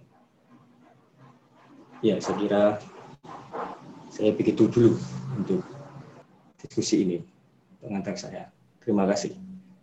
Ya, uh, terima kasih Mas Inyong. Ada banyak poin yang saya catat dari penjelasan dari Mas Inyong. Yang, per, yang pertama adalah uh, apa uh, kategorisasi antara dramatika benda-benda dan juga dramatika pertunjukan. Di mana uh, penekanan dalam konteks dramatika benda-benda itu uh, Mas Inyong menyinggung sesuatu yang saya kira belum uh, terbahas di apa, uh, narasumber sebelumnya dan juga di diskusi pertama yaitu tentang pertemuan antara memori audiens dengan uh, ruang uh, uh, di mana karya dipamerkan atau disajikan atau uh, zona di mana uh, karya itu dipertunjukkan. Gitu. Dalam konteks ini uh, pengalaman tubuh audiens kemudian memainkan peran yang penting dalam dalam bagaimana pertemuan itu membangun narasi yang spesifik. Kemudian dalam konteks drama pertunjukan yaitu bagaimana narasi itu dibangun melalui pertemuan antara tubuh dengan ruang dan dalam konteks ini adalah black box yang yang digarisbawahi. Kemudian juga persoalan uh, pertemuan antara tubuh dan benda yang membutuhkan uh, apa satu semacam semacam kerangka konkret uh, untuk menubuhkan imaji Uh, yang mana saya kira ini se sepadan dengan apa yang tadi disebut oleh uh, Mas Jamal tentang kesejajaran antara tubuh dan benda atau ruang. Uh, di mana dalam prosesnya kemudian pertimbangan-pertimbangan tentang orientasi ruang, penempatan benda, uh, uh, seberapa kuat atau seberapa ringkih karakter benda, apakah bersentuhan atau berjarak, seberapa lebar atau seberapa sempit ruang yang akan dieksplorasi, itu menjadi pertimbangan-pertimbangan dalam proses uh, interpretasi uh, secara artistik. Uh, juga yang menarik dari pemaparannya Mas Inyong adalah tentang mengurai benda-benda ke dalam kata kunci meskipun abstrak, tetapi dia tidak tidak hadir secara ngaur. Dan kemudian bagaimana abstraksi itu kemudian diterjemahkan ke dalam imajinasi-imajinasi yang kemudian imajinasi itulah yang digerakkan oleh tubuh dalam uh, prosesnya. Selain itu uh, penekanan Mas Inyong tentang eksplorasi sebagai negosiasi uh, antara tubuh ketika bertemu benda, ruang, atau tubuh yang lain.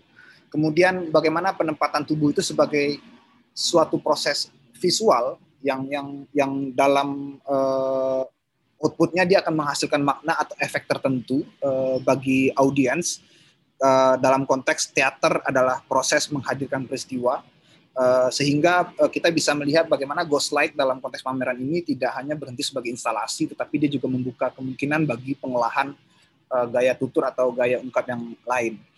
Nah, sebelum saya uh, melemparkan kesempatan kepada Mas Dalijo untuk uh, merespon uh, apa uh, pemaparan dari uh, ketiga pembicara ini, saya ingin du lebih dulu kembali lagi ke Mas uh, Ridoi.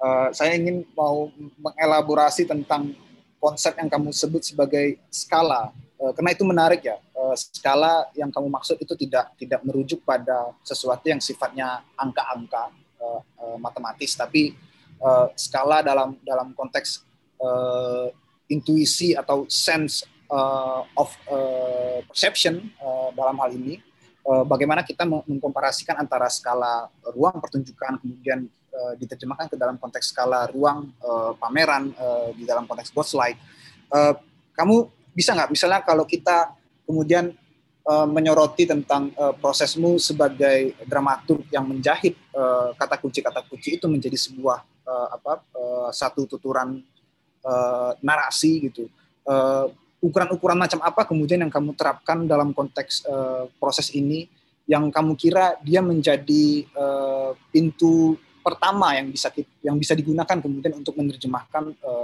objek-objek uh, artistik atau proses dari uh, Timotius terkait dengan skala itu. Apakah uh, persoalan tentang skala ini telah menjadi sesuatu yang uh, a priori dalam dalam apa prosesmu ketika uh, merancang uh, dramaturgi dari uh, visual ini?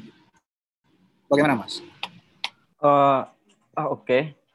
Uh, perkara skala dan perkara-perkara ukuran. Pertama, uh, yang yang segera terpikirkan atau yang segera kami lakukan adalah pertama-tama uh, di dalam konteks pertunjukan yang datang pertama bukanlah aktor tetapi instalasi. Uh, jadi dalam konteks misalnya dalam penciptaan teater itu tuh benda-benda uh, atau Eh, properti atau kemudian instalasi, eh, setting dan segala macam itu datang setelah ada terbayang peristiwa, setelah eh, aktor melakukan sesuatu di atas panggung.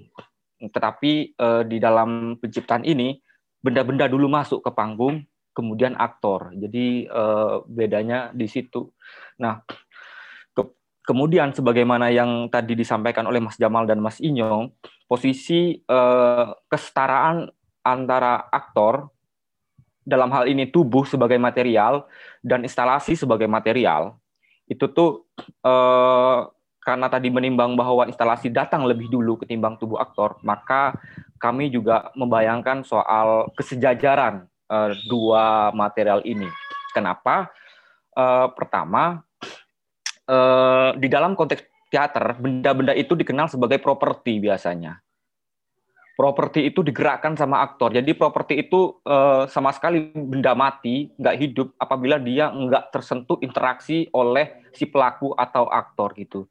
Nah dalam konteks uh, teater yang uh, yang uh, menempatkan tubuh sebagai katakanlah aktor sebagai uh, uh, apa namanya pusat pusat peristiwa gitu ini di luar uh, teater-teater yang muncul di mana nggak ada lagi aktor ya, misalnya ada mesin, robot gitu. Jadi aktor-aktor yang sudah tergantikan. Tapi di konteks Indonesia kita masih uh, ada bah ngelihat bahwa aktor atau manusia di atas panggung itu sebagai pusat dari peristiwa. Nah dalam konteks teater benda-benda itu jatuhnya properti jadi kalau kita pakai gayung, pakai pedang, pakai tombak itu dia akan menjadi benda yang uh, bermakna apabila dia ada interaksi dengan uh, si di, di, di, di apa namanya digerakkan oleh aktor gitu. Nah sementara di sini, sementara di uh, konteks uh, penciptaan Ghost Light gitu, bagaimana uh, instalasi ini tetap uh, menjadi suatu pernyataan atau pertanyaan atau uh, apa dia dapat berkata-kata tanpa mesti harus disentuh oleh aktor gitu. Mungkinkah gitu. Nah uh, itu sangat mungkin. Pertama kalau dalam konteks teater eh, kalau konteks teater saya menyebutnya properti ya. Meskipun ada uh, apa namanya pertunjukan-pertunjukan yang juga dalam katakanlah objek-objek instalasi itu dibuat oleh seniman seni rupa gitu misalnya di dalam konteks teater uh, properti itu dia punya nilai fungsi gitu. Punya nilai kemudian selain fungsi dia juga punya nilai uh, apa namanya uh, simbol dan segala macam gitu. Uh, uh, tetapi dia berkorespondensi dengan katakanlah naskah katakanlah peristiwa. Jadi uh, properti atau objek-objek itu diciptakan berdasarkan apa yang sedang berlangsung di atas panggung. Oh, ini kayaknya butuh gayung nih gitu misalnya kayak gitu. Nah, di Ghost Light kita nggak tidak begitu. Jadi sudah sudah sudah apa Timotius Anggawan Kusuno ini kan uh, sudah ada tiba-tiba membawa banyak sekali uh, apa lentera, kemudian gagak dan macam-macam itu. Nah, itu justru kemudian bagi saya sebagai pekerja seni pertunjukan ini sesuatu yang menantang menurut saya. Bagaimana eh, apa namanya posisi kemudian si eh, instalasi ini tidak jatuh sebagai properti atau dia hilang nilainya kalau tidak ada aktor gitu, misalnya gitu.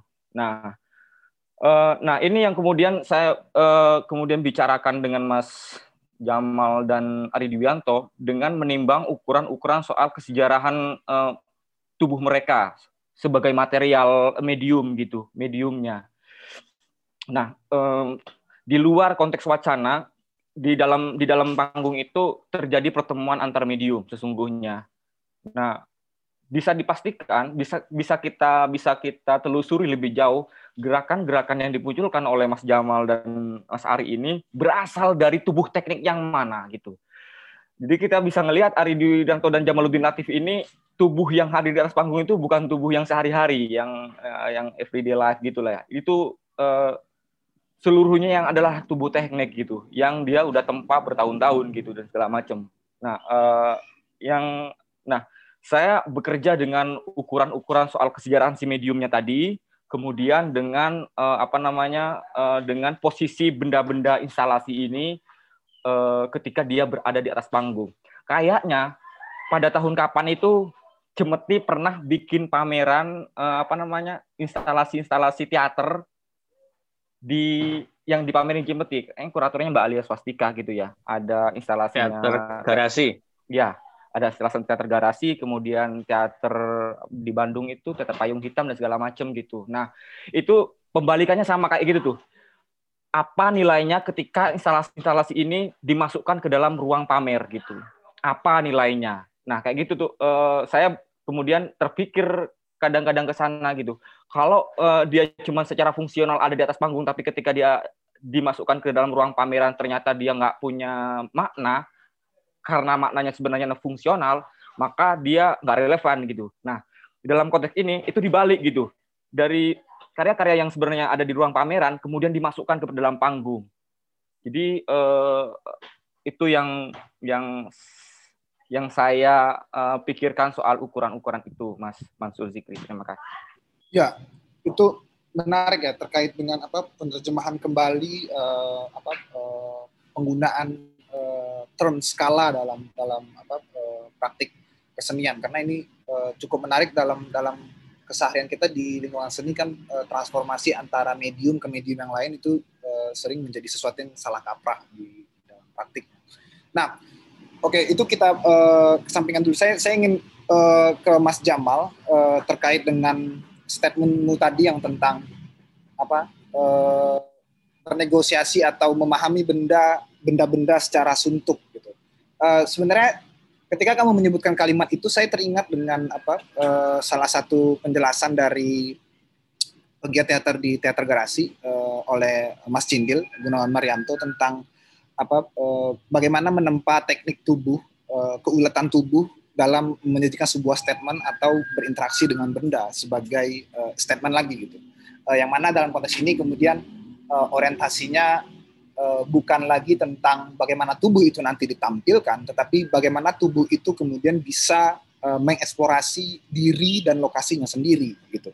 Nah, uh, kamu sendiri gitu sebagai sebagai pegiat teater yang yang, yang sudah berkecimpung lama di ranah ini, uh, mungkin bisa bisa berbagi kita uh, pada pada tolak ukur yang semacam apa gitu ketika uh, tubuh uh, bernegosiasi dengan benda atau dengan tubuh yang lain atau dengan ruang yang lain, kemudian dia dikatakan tepat atau cukup untuk menyatakan dirinya sebagai tubuh yang sudah uh, uh, melalui sebuah proses dan sampai pada titik tertentu dia harus uh, mengeluarkan statementnya gitu.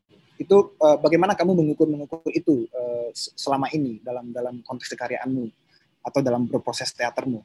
Atau mungkin bisa dikaitkan dengan proses di Ghostlight ketika kamu uh, berinteraksi dengan objek-objek artistik uh, yang dihadirkan oleh Timotius Anggawan Kusno uh, pada titik-titik mana kemudian kamu bisa apa sebagai aktornya kemudian uh, meyakinkan diri dan kemudian meyakinkan kolaboratormu tentang bahwa ini terjemahan ini kemudian sudah bisa untuk dilihat atau dibaca. Silakan Mas Jamal. Ya, uh, ketika ketika tubuh itu kemudian disejajarkan dengan material benda-benda yang dihadirkan itu, eh, buat aku tubuh memang butuh beradaptasi ya, beradaptasi dengan benda itu. Karena eh, dia katakanlah dia benda mati, sementara tubuhku itu benda hidup gitu, maksudnya yang bisa digerakkan gitu. Nah, dalam dalam term itu saja uh, bagaimana aku bisa mensejajarkan itu. Itu butuh butuh butuh yang pertama butuh waktu untuk katakanlah beradaptasi dengan benda itu ya. Nah, yang kedua adalah eh, bagaimana kemudian aku mengenali benda mati itu. Mengenali sejauh tadi yang sudah aku, aku sampaikan bahwa tidak cukup aku mengenal secara visualnya saja, aku mengenal eh, bentuknya saja, misalnya pedestal yang bentuknya eh, kaku, keras gitu, dia kokoh di satu tempat gitu misalnya, mungkin tidak hanya itu. Atau katakanlah tubuhku tidak cukup cukup mengenalnya seperti itu saja gitu. Ada hal-hal yang lain harus harus aku telusuri gitu di luar di luar tubuh itu sendiri gitu. Misalnya yang tadi sudah aku sampaikan juga bahwa misalnya eh, kenapa Dalijo menghadirkan itu, menghadirkan benda itu, pedestal itu atau benda yang lain gitu. Kenapa itu harus dihadirkan? Alasan-alasan apa yang kemudian dia harus ada berada di satu titik itu? Kenapa uh, frontal atau agak miring sedikit bentuknya. Uh, kenapa bentuknya tidak tidak apa namanya uh, tembus pandang gitu ya? Karena dia bentuknya rangka gitu. Kenapa seperti itu? Pertanyaan-pertanyaan itulah yang kemudian menjadi bahan saya, bahan saya untuk uh, mengelaborasi lebih jauh gitu. Bagaimana nantinya tubuhku ini bisa sejajar dengan benda itu gitu. Karena misalnya uh, aku sendiri merasa apa ya bagaimana caranya tubuh ini sama-sama katakanlah bisa sejajar itu menurut saya enggak semudah sekedar menempatkan posisi gitu saja sih. Tidak sekedar cukup kemudian eh, pedestalnya di situ dan aku berada di depannya atau aku di sampingnya atau di belakangnya atau di samping kirinya atau di atasnya bahkan gitu. Mungkin tidak tidak hanya cukup itu gitu. Bukan sekedar komposisi gitu. Bukan sekedar komposisi, oh akan lebih bagus kalau aku di atas. Oh akan lebih bagus atau aku tertidur di atas. Itu lebih ke visual bentuk gitu. Tapi eh, muatan-muatan apa? Kenapa komposisi itu harus dipilih? Atau dalam hal ini tubuhku eh, menentukan itu, menciptakan itu. Kenapa pilihanku kemudian aku harus ter apa eh, berbaring di atas pedestal misalnya. Kenapa pilihannya harus berbaring di pedestal? Pasti tubuhku sendiri punya muatan-muatan tertentu kenapa tubuhku harus eh, berbaring di atas pedestal. Nah, untuk menentukan kenapa harus berada dalam posisi eh, berbaring di atas pedestal itu, nah ini yang mungkin eh, butuh ya tidak seketika ya. Kalau mungkin tadi Saifur sudah bilang bahwa tubuhku sendiri, tubuhnya aktor sendiri sudah punya tempaan-tempaan tertentu, proses latihan yang panjang yang itu sudah tercipta di dalam tubuh itu sendiri gitu. Yang kemudian ter, uh, bisa juga terkait tidak hanya soal tempaan tapi juga terkait tubuh itu berdekatan dengan ingatan-ingatan masa lalu, ingatan atau sejarah bagaimana tubuh itu ditempa itu sendiri. Juga kemudian tubuh itu berhadapan dengan kalau tadi yang dimunculkan Inyong Inyong misalnya eh, apa teks narasi-narasi yang hadir atas benda-benda itu gitu. Nah itu yang kemudian menyatu yang katakanlah teramu dan kemudian melahirkan misalnya satu pilihan untuk rebah di atas pedestal atau eh, berdiri kokoh, tangan menelunjuk ke atas seperti menggambarkan apa sebuah sosok yang sedang menunjuk sesuatu misalnya. Bentuk yang kemudian pilihannya adalah bentuk patung misalnya.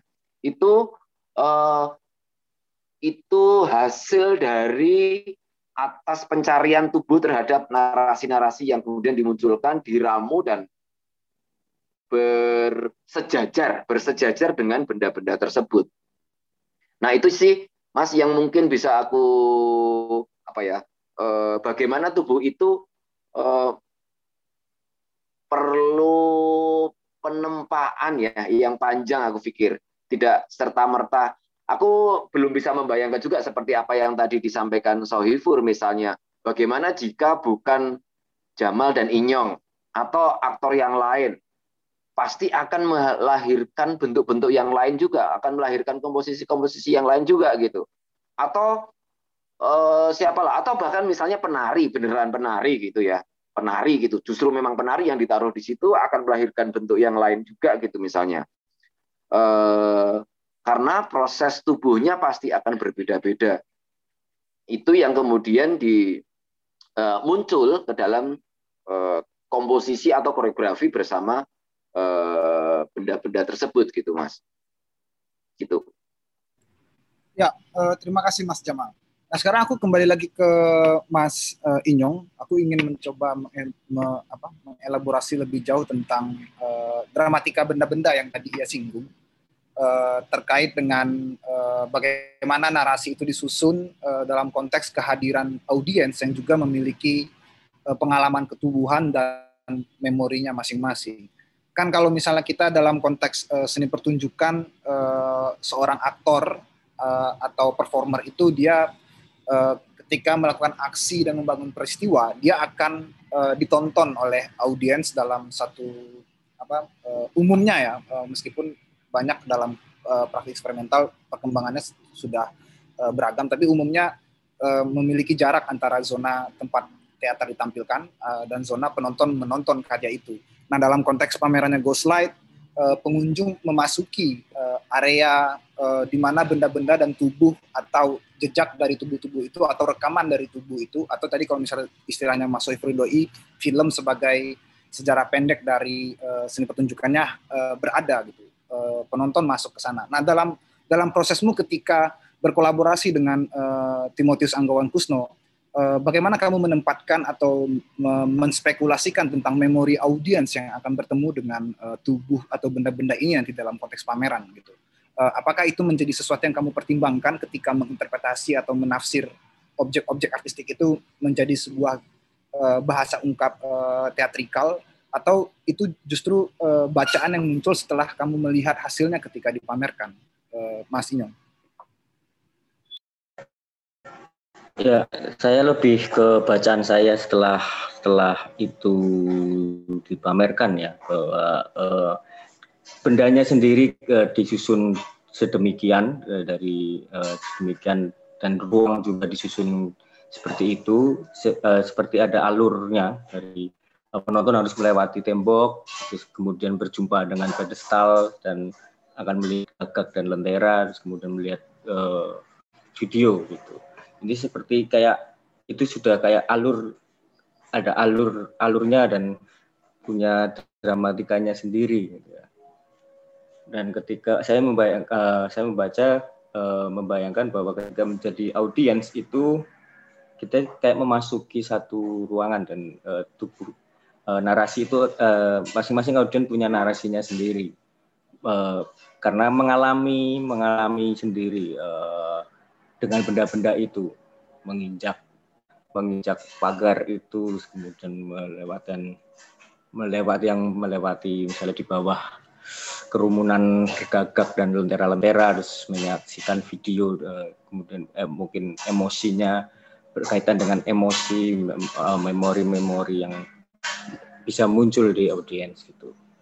Kalau saya lebih ke bagaimana ya eh, itu berkaitan dengan referensi ya, referensi tubuh saya yang juga dikatakan eh, itu itu juga teknik-teknik yang eh, saya pelajari dari beberapa tahun ini gitu. Jadi eh, tentu saja juga memori itu, berkaitan dengan emosi juga eh, apa imaji-imaji yang yang dalam bayangan saya eh, saya saya punya punya gambaran dalam diri saya gitu. Jadi imaji-imaji itu memang tidak bukan berasal dari uh, yang simsalabim keluar tapi juga simsalabim dapat tapi juga muncul dari uh, apa yang saya lihat, apa yang saya pernah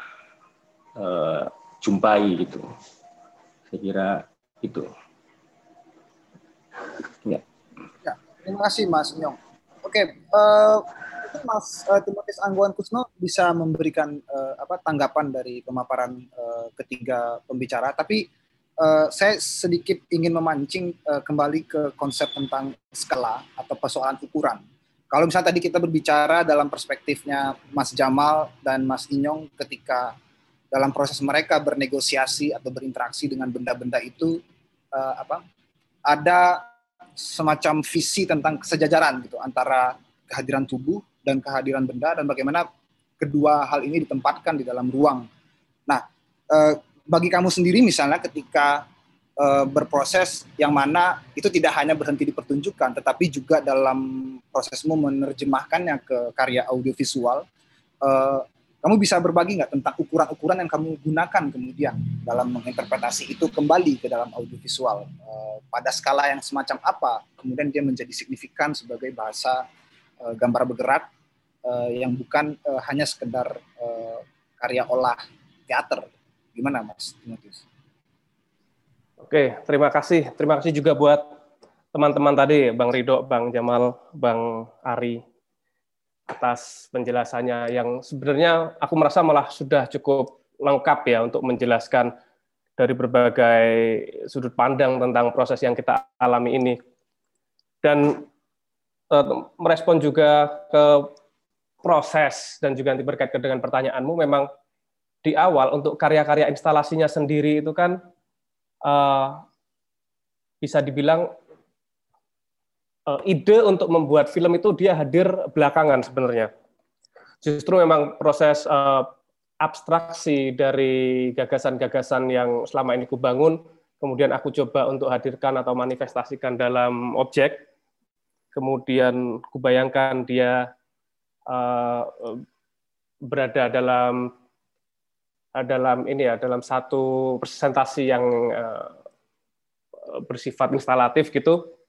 Dan kemudian uh, keputusan untuk membuat film itu justru ketika jadi gini buat kan itu uh, proses berkarya itu kan terus ya enggak bukan berkarya maksudnya proses berpikir proses bahkan ketika karya sudah jadi aku memandang si karya itu ketika dia di display pikiran itu jalan terus sebenarnya prosesku merefleksikan dan mengevaluasi uh, karya sebagai bentuk juga sebagai narasi itu terus berjalan nah di titik itu kemudian ketika si karya sudah jadi aku merasa ini karya ini bisa diaktifasi ini dengan satu bentuk kolaborasi bersama yang segera terpikirkan olehku adalah tentu saja oh, bekerja bersama dengan Ridho, Jamal, Inyong, dan Jambul dalam konteks ini. Gimana kita bisa cari kemungkinan-kemungkinan lain justru untuk ini tadi menarik peluang-peluang juga mungkin intervensi yang mungkin bisa dilakukan teman-teman atas karya ini. Jadi yang sebagai instalasi bisa jadi dibilang dalam tanda kutip sebagai bentuk dia selesai. Jadi tapi aku bongkar lagi, aku mau memasukkan kemungkinan-kemungkinan lain, mengaktifasi kemungkinan lain dengan bekerja sama dengan kawan-kawan ini semua. Jadi akhirnya aku eh, ngontek dan mengajak mereka dan tentu saja bekerja dengan kawan-kawan ini buatku itu itu uh, ini selalu selalu mampu untuk memantik memantik kemungkinan-kemungkinan nakal lainnya atas karya ini. Nah, sehingga tentu saja ini semua berangkat dari kesejarahan kerja bareng kami sehingga wah ini uh, bekerja dengan mereka ini bisa ditarik ke kemungkinan yang bahkan aku sendiri belum tahu ini akan sampai ke mana.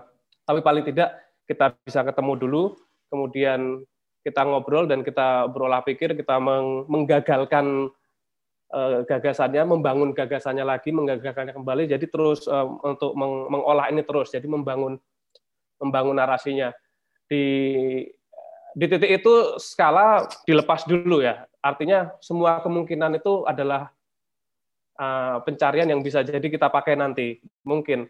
Nah kemudian dari kesejarahan yang ada dalam tubuh uh, si aktor juga tentu saja kemampuan dan kecerdasan si sutradara dalam menjahit kosa gerak kosa gerak yang kemudian kita temukan itu jadi satu jadi satu ini pengikat yang kemudian akan memperkuat kemungkinan-kemungkinan karya ini sehingga ketika aku berangkat dengan ide bahwa oke okay, kita akan bikin film selesai proses ini bukan cuma film yang kita temukan, tapi lebih banyak kemungkinan-kemungkinan lain, bahkan juga termasuk ke pertunjukannya, di mana nanti si uh, karya instalasi ini akan diperlakukan dengan cara yang lain lagi ketika ini berada di atas panggung.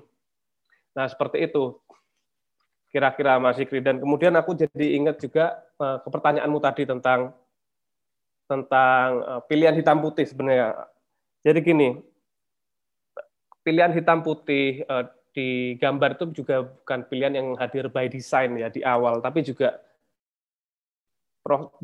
ini didapat dari proses yang tumbuh. Jadi selama proses ini kan proses berpikir itu tidak berhenti. Nah, ini aku suka juga bekerja sama dengan kawan-kawan ini karena ini tidak serta merta aku datang dengan desain yang fix kemudian kita tahu apa yang kita, akan kita hasilkan nanti setelah ini, tapi yang aku tahu bahwa aku akan satu karya yang kupikir ini bisa jadi karya yang kuat ketika aku bekerja sama dengan metode yang bisa aku bayangkan bareng teman-teman, tapi bentuknya seperti apa itu akan kita temukan dalam perjalanan. Nah, kemudian juga pilihan hitam putih ini eh, satu waktu setelah kami uh, syuting gitu, aku juga sempat ngobrol dengan kawan-kawan dengan Jambul, gimana kalau kita coba ini di hitam putih, kemudian akhirnya jadi selama proses eh, gini uh, sebelum selama proses uh, latihan ini kan setiap hari kami selalu merekam, jadi merekam proses, merekam temuan-temuan dan nanti sepulang latihan kami juga akan mengkodifikasi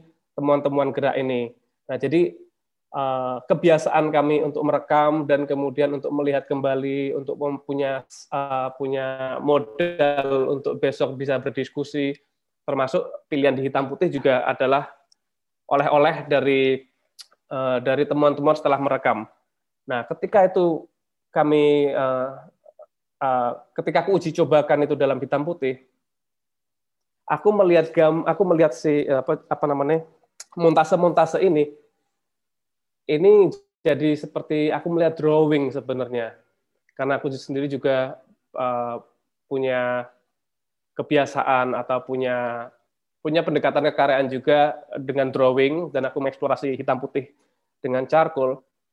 Ketika ini di hitam putih, aku langsung segera bisa menangkap logika drawing ada di balik uh, montase ini, yang ada di balik gambar ini. Dan kemudian dalam hitam putih itu si tubuh ekspresinya kemudian geraknya lalu detail-detail yang ada dalam tubuh dia akhirnya mendapat tempat yang lebih utama dalam gelap dan terang yang yang uh, yang uh, apa namanya bisa aku bilang uh,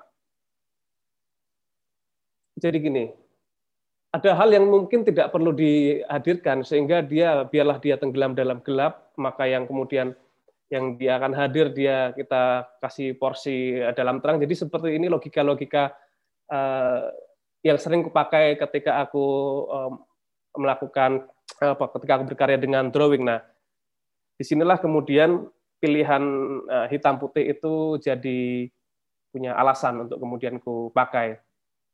Seperti itu uh, kurang lebih Mas Zikri. Ya, terima Menjawab nggak sih? Menjawab Oh iya. Terima kasih Mati Moses. Uh, kita sudah uh, sampai jam 5 ini. Uh, tapi uh, ada request dari teman-teman kita yang juga hadir di sini. Salah satunya dari Mbak Linda, Direktur Cemeti untuk ingin menyampaikan uh, pertanyaan kepada tiga pembicara. Saya tanya lebih dulu, uh, uh, apakah oke okay kalau misalnya kita tetap lanjut uh, berdiskusi sedikit lagi? Aman ya? Oke, okay. uh, saya persilakan okay. Mbak Linda. Uh, mungkin kalau okay. misalnya pertanyaan. Halo. Uh, mengingat waktu mungkin anu deh apa namanya aku pangkas aja uh, buat Ridoi karena aku penasaran banget nih dengan cara kerjanya dia di proyek ini gitu. Aku tidak bisa ini ya apa namanya menghidupkan uh, video uh, kamera uh, karena tidak stabil koneksiku. Gak apa-apa ya? Lanjut mbak. Oke. Okay. Nah, sebelumnya terima kasih sekali uh, Rido, Mas Jamal, Mas Inyong, Angga, sangat menarik banget apa yang kalian sampaikan dan aku merasa banyak banget hal-hal yang penting yang bisa kita petik dan pelajari bersama di sini gitu. Dan juga menambahkan cerita yang sudah diulas di teks-teks tulisan yang dihasilkan dari pameran ini yang tentu saja sudah diupload atau masih akan diupload di website dan sosial media juga. Tapi ini hanya saja kok saya masih merasa ini apa namanya kesulitan untuk membayangkan peristiwa konkret atau kejadian tubuh dan percakapan sehari-hari kalian di dalam proses gitu. Kalau tadi Mas Inyong ngomong bahwa apa yang dia lakukan di dalam proses penciptaan adalah menentukan imaji, nah yang masih aku tangkap dan men-triggerku untuk tahu lebih dalam lagi um, percakapan kita sampai jam 5 ini itu masih semacam apa ya, aku masih meraba-raba karena yang dikatakan semuanya masih dalam tahapan gagasan, rangka gagasan. Nah, aku juga um, punya sedikit catatan nih uh, untuk nggak tahu ya gimana ya caranya. Mungkin kita juga akan menyusun um, dalam waktu yang sempit ini kita bisa mengelaborasi lebih uh, efisien gitu kan untuk membongkar hal-hal konkret yang kerap ditinggalkan uh, dalam percakapan penggalian proses nggak tahu entah kenapa itu ditinggalkan mungkin anu ya apa namanya rezim tradisi diskursus akademik atau apa nggak tahu ya nah itu kan kayak selalu kita didramaturgiin untuk ngomongin hal-hal yang abstrak. Gitu. Padahal kalau menggali dan mendalami proses, yang paling susah itu dibayangkan adalah kejadian konkretnya gitu, di alam mana sehari-hari proses kerja kalian, proses kerja gitu.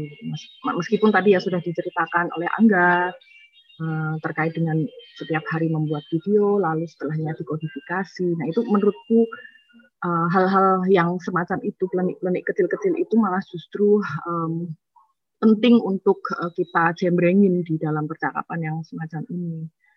Nah, untuk ridoi, eh, penasaran banget nih praktik apa uh, dramaturgimu di dalam proyek ini gitu. Karena aku pengen menggali lebih jauh, lebih konkret, lebih mungkin sehari-hari dan mungkin juga uh, apa namanya khusus dan spesifik gitu. Karena menurutku misalkan Ridho, Ridho juga terlibat di Asian Dramaturg Network yang kita lakukan di Jogja tahun 2018 ya kalau nggak salah ya. Nah itu kan hitahnya gitu ingin memetakan dan membaca praktik dramaturgi Asia gitu. Kekhasannya apa sih? Nah, lagi-lagi yang susah dibaca itu adalah konkretnya peristiwanya seperti apa gitu. Ya susah gitu lawang itu aja jarang dibicarakan gitu. Yang dibicarakan di tingkat apa namanya abstraksi gagasan pengalaman yang dimaknai dan dikodifikasi ulang. Nah, menurutku um, mencuri sedikit waktu yang tersisa gitu, aku merasa yuk um, mengajukan pertanyaan uh, terkait dengan itu gitu kan, terutama untuk orang-orang seperti saya gitu yang sedang belajar soal dramaturgi, praktiknya gimana, ngobrolnya sama seniman gimana, atau yang penasaran dengan metode penciptaan karya. Ini kan Angga kan khusus banget juga nih dia ngomong dia punya metode tersendiri. Nah itu belum belum terelaborasi, belum terceritakan di sini. Rido, halo, Rido. Ya Mbak. Oke. Okay. Nah ini dok uh, apa namanya? Aku penasaran dengan praktik dramaturgi lebih spesifik lagi di proyek ini. Tentu saja kan ini pastinya berbeda dengan ketika kamu menghadapi proyek yang lain bekerja dengan bersama dengan orang yang lain gitu kan. Karena kan di sini kan kerja dramaturginya lumayan kompleks tuh. Eh, melihat ada pertunjukan live langsung terus ada film gitu kan.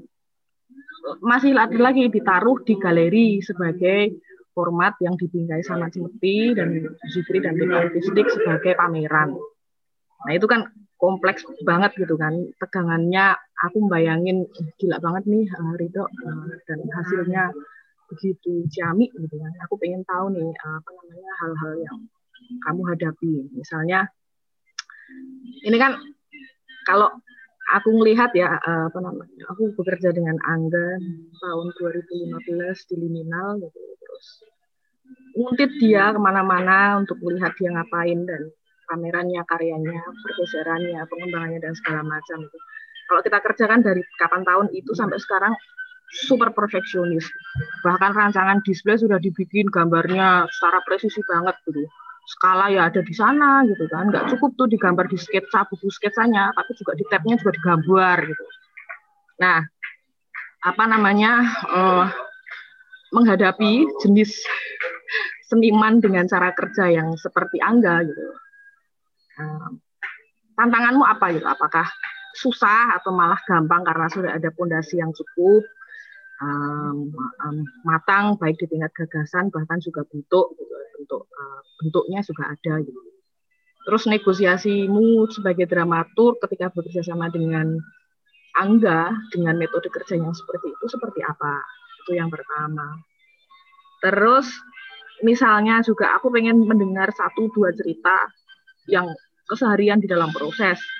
Misalnya ketika tiba-tiba senimanmu Angga, Timotius Anggawan Kusno datang tidak membawa PowerPoint untuk memulai proses apa namanya memasukkanmu atau menempatkan peranmu sebagai dramaturg di lanskap rencangan kerjanya tapi malah bawa gagak gitu. bawa gagak bawa lentera bawa semua benda-benda itu gitu nah yang kamu peristiwa pertama-tama yang kemudian kamu alami di sana itu apa gitu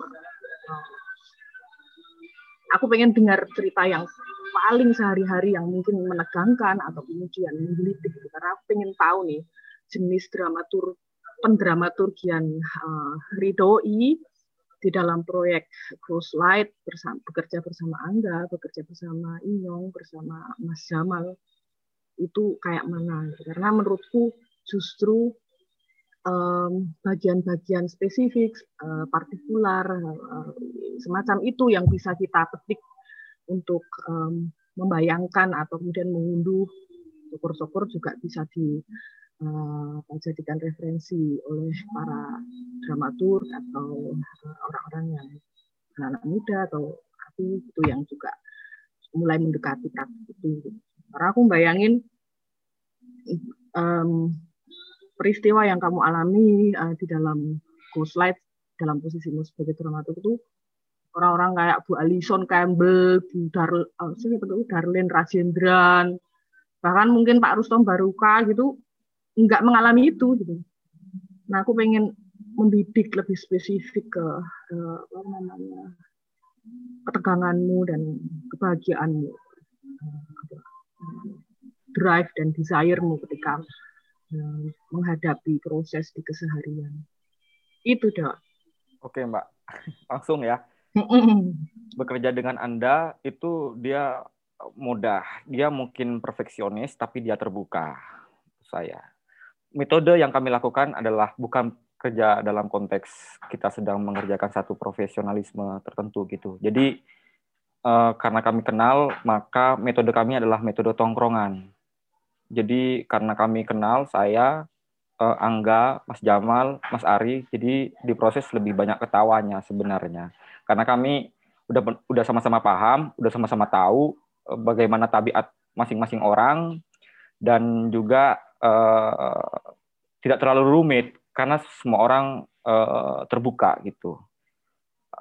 Jadi kami layaknya nongkrong, tapi nongkrong yang punya target lah gitu ya. Uh, dari tongkrongan itu sehingga kemudian kepala kami tidak terlalu panas. Jadi ketika kita diskusi, kita lebih uh, apa sambil diskusi kemudian sambil tentu saja ketawa gitu makan-makan dan macam-macam lah gitu jadi kira metode tongkrongan ini sangat menarik sekali. Eh, ini pengalaman yang berbeda karena ketika aku berkarya dengan teman semisalnya segenerasi saya atau di bawah saya itu ada punya tegangan. Karena mungkin kosakatanya nggak sama, kemudian eh, cara-cara latihannya juga nggak sama, apalagi Eh, bekerja dengan orang baru misalnya baru kenal tiba-tiba kita bekerja dalam satu proyek. Itu sama sekali nggak bisa dalam dalam metode metode tongkrongan ini. Jadi mungkin saya sebutnya sebagai tongkrongan sebagai metode gitu nongkrong gitulah. Ya karena kerilekan itulah. Rileks santai tapi kita tahu apa yang sedang kita kerjakan dan kita punya punya punya timeline punya apa punya tujuan tertentu gitu. Makanya agak rileks dan tentu saja karena juga si Angga yang kemudian uh, mengajak kami itu sangat terbuka untuk uh, apa namanya mengintervensi karya-karyanya itu yang pertama. Pengalaman saya dengan Angga. Uh, ter, uh, saya lanjutkan. Terbuka karena uh, menurut saya dalam pameran-pameran Angga itu selalu uh, bukan selalu sih uh, beberapa ada peristiwa pertunjukannya gitu di pameran di Galeri Gejayan saya juga melihat ada Tomomi Yokosuka dan uh, apa si, si siapa namanya? Si Theo Theodorus Tristanto ada pertunjukan juga jadi paling enggak uh, si Angga ini udah tahu bagaimana cara kerja anak-anak seni pertunjukan yang selalu bareng-bareng gitu yang jarang bisa bikin karya sendiri gitulah selalu harus dibantu oleh orang lain paling enggak gitu itu yang pertama. Yang kedua, keseharian di dalam proses. Uh, Mas Jamal dan Mas Ari Dwianto ini tentu saja uh, telah mengalami banyak metode uh, pelatihan ketubuhan, keaktoran ketimbang saya uh, yang generasi setelahnya. Jadi uh, kami itu ketika di atas uh, ketika mereka masuk ke panggung, kami meskipun tanpa komunikasi, kami seolah-olah sudah tahu bahasa apa yang akan kita pakai gitu. Misalnya ketika Mas Jamal, Mas Ari di atas panggung dan kemudian uh, apa instalasinya dari juga di atas panggung, saya punya ukuran sendiri. Misalnya saya uh, uh, ada unbogart gitu viewpoint yang aku paham ini. Oh, kayak misalnya soal skala ini ya skala material gitu ya jarak gitu. Jarak dekat jarak jauh kemudian level level bawah atas uh, sangat atas gitu. Kemudian tempo tempo lambat, sangat lambat, cepat dan sangat cepat gitu. Kemudian uh, ruang gitu, ha, arah menghadap ke sana, menghadap ke sini, ke depan, ke belakang gitu. Jadi ketika mereka di atas panggung, saya udah tahu oh ini hadapnya uh, oke. Okay. Tapi kayaknya kalau di kalau Mas Jamal menghadap ke sana ini lebih oke. Okay. Tapi lebih oke okay lagi kalau Mas Jamal berada levelnya di atasnya si Mas Inyong misalnya. Uh, gitu. Jadi dan tentu saja Mas Jamal dan Mas Ari Dwianto uh, tahu ya, apa namanya viewpoint unbogat karena ini kayak jadi bahasa umum dalam latihan-latihan atau training uh, di seni pertunjukan gitu.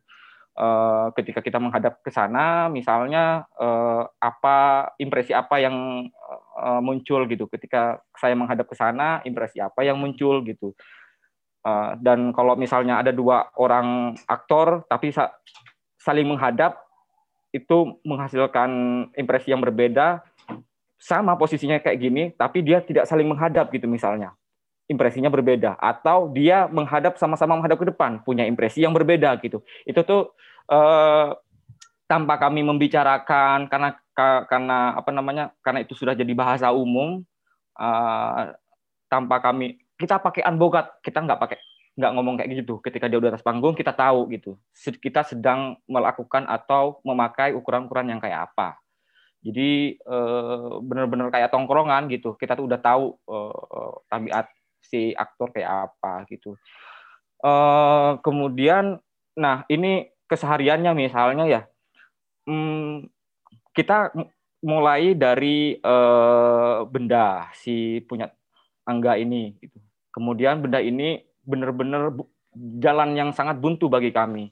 Jalan yang sangat gelap sekali lah. Kemudian aktor ini dan kami semua tim kayaknya juga perlu memberi kata kunci-kata kunci dari setiap benda ini. Nah, dari empat empat benda kategori empat benda itu pedestal, uh, lentera, gagak dan ghost like ini masing-masing punya uh, kata kunci kata kunci yang berlainan gitu. Dan satu benda, satu uh, benda artistik ini paling tidak memiliki 10 kata kunci yang akan nanti membantu si aktor. Nah, kemudian dari kata kunci ini mereka uh, improvisasinya berdasarkan satu benda. Jadi nggak langsung benda di atas panggung sekalian, enggak, tapi masing-masing improvisasi mulai dari uh, pedestal dulu gitu. Pedestal, mereka akan bergerak. Nah, ketika mereka improvisasi itu ada kamera yang menangkap menangkap kamera uh, kam, direkam kamera peristiwanya mereka. Mereka benar-benar uh, apa bergerak sesuai intuisinya mereka saja gitu. Ini bekerja dengan intuisi karena bekerja dengan si level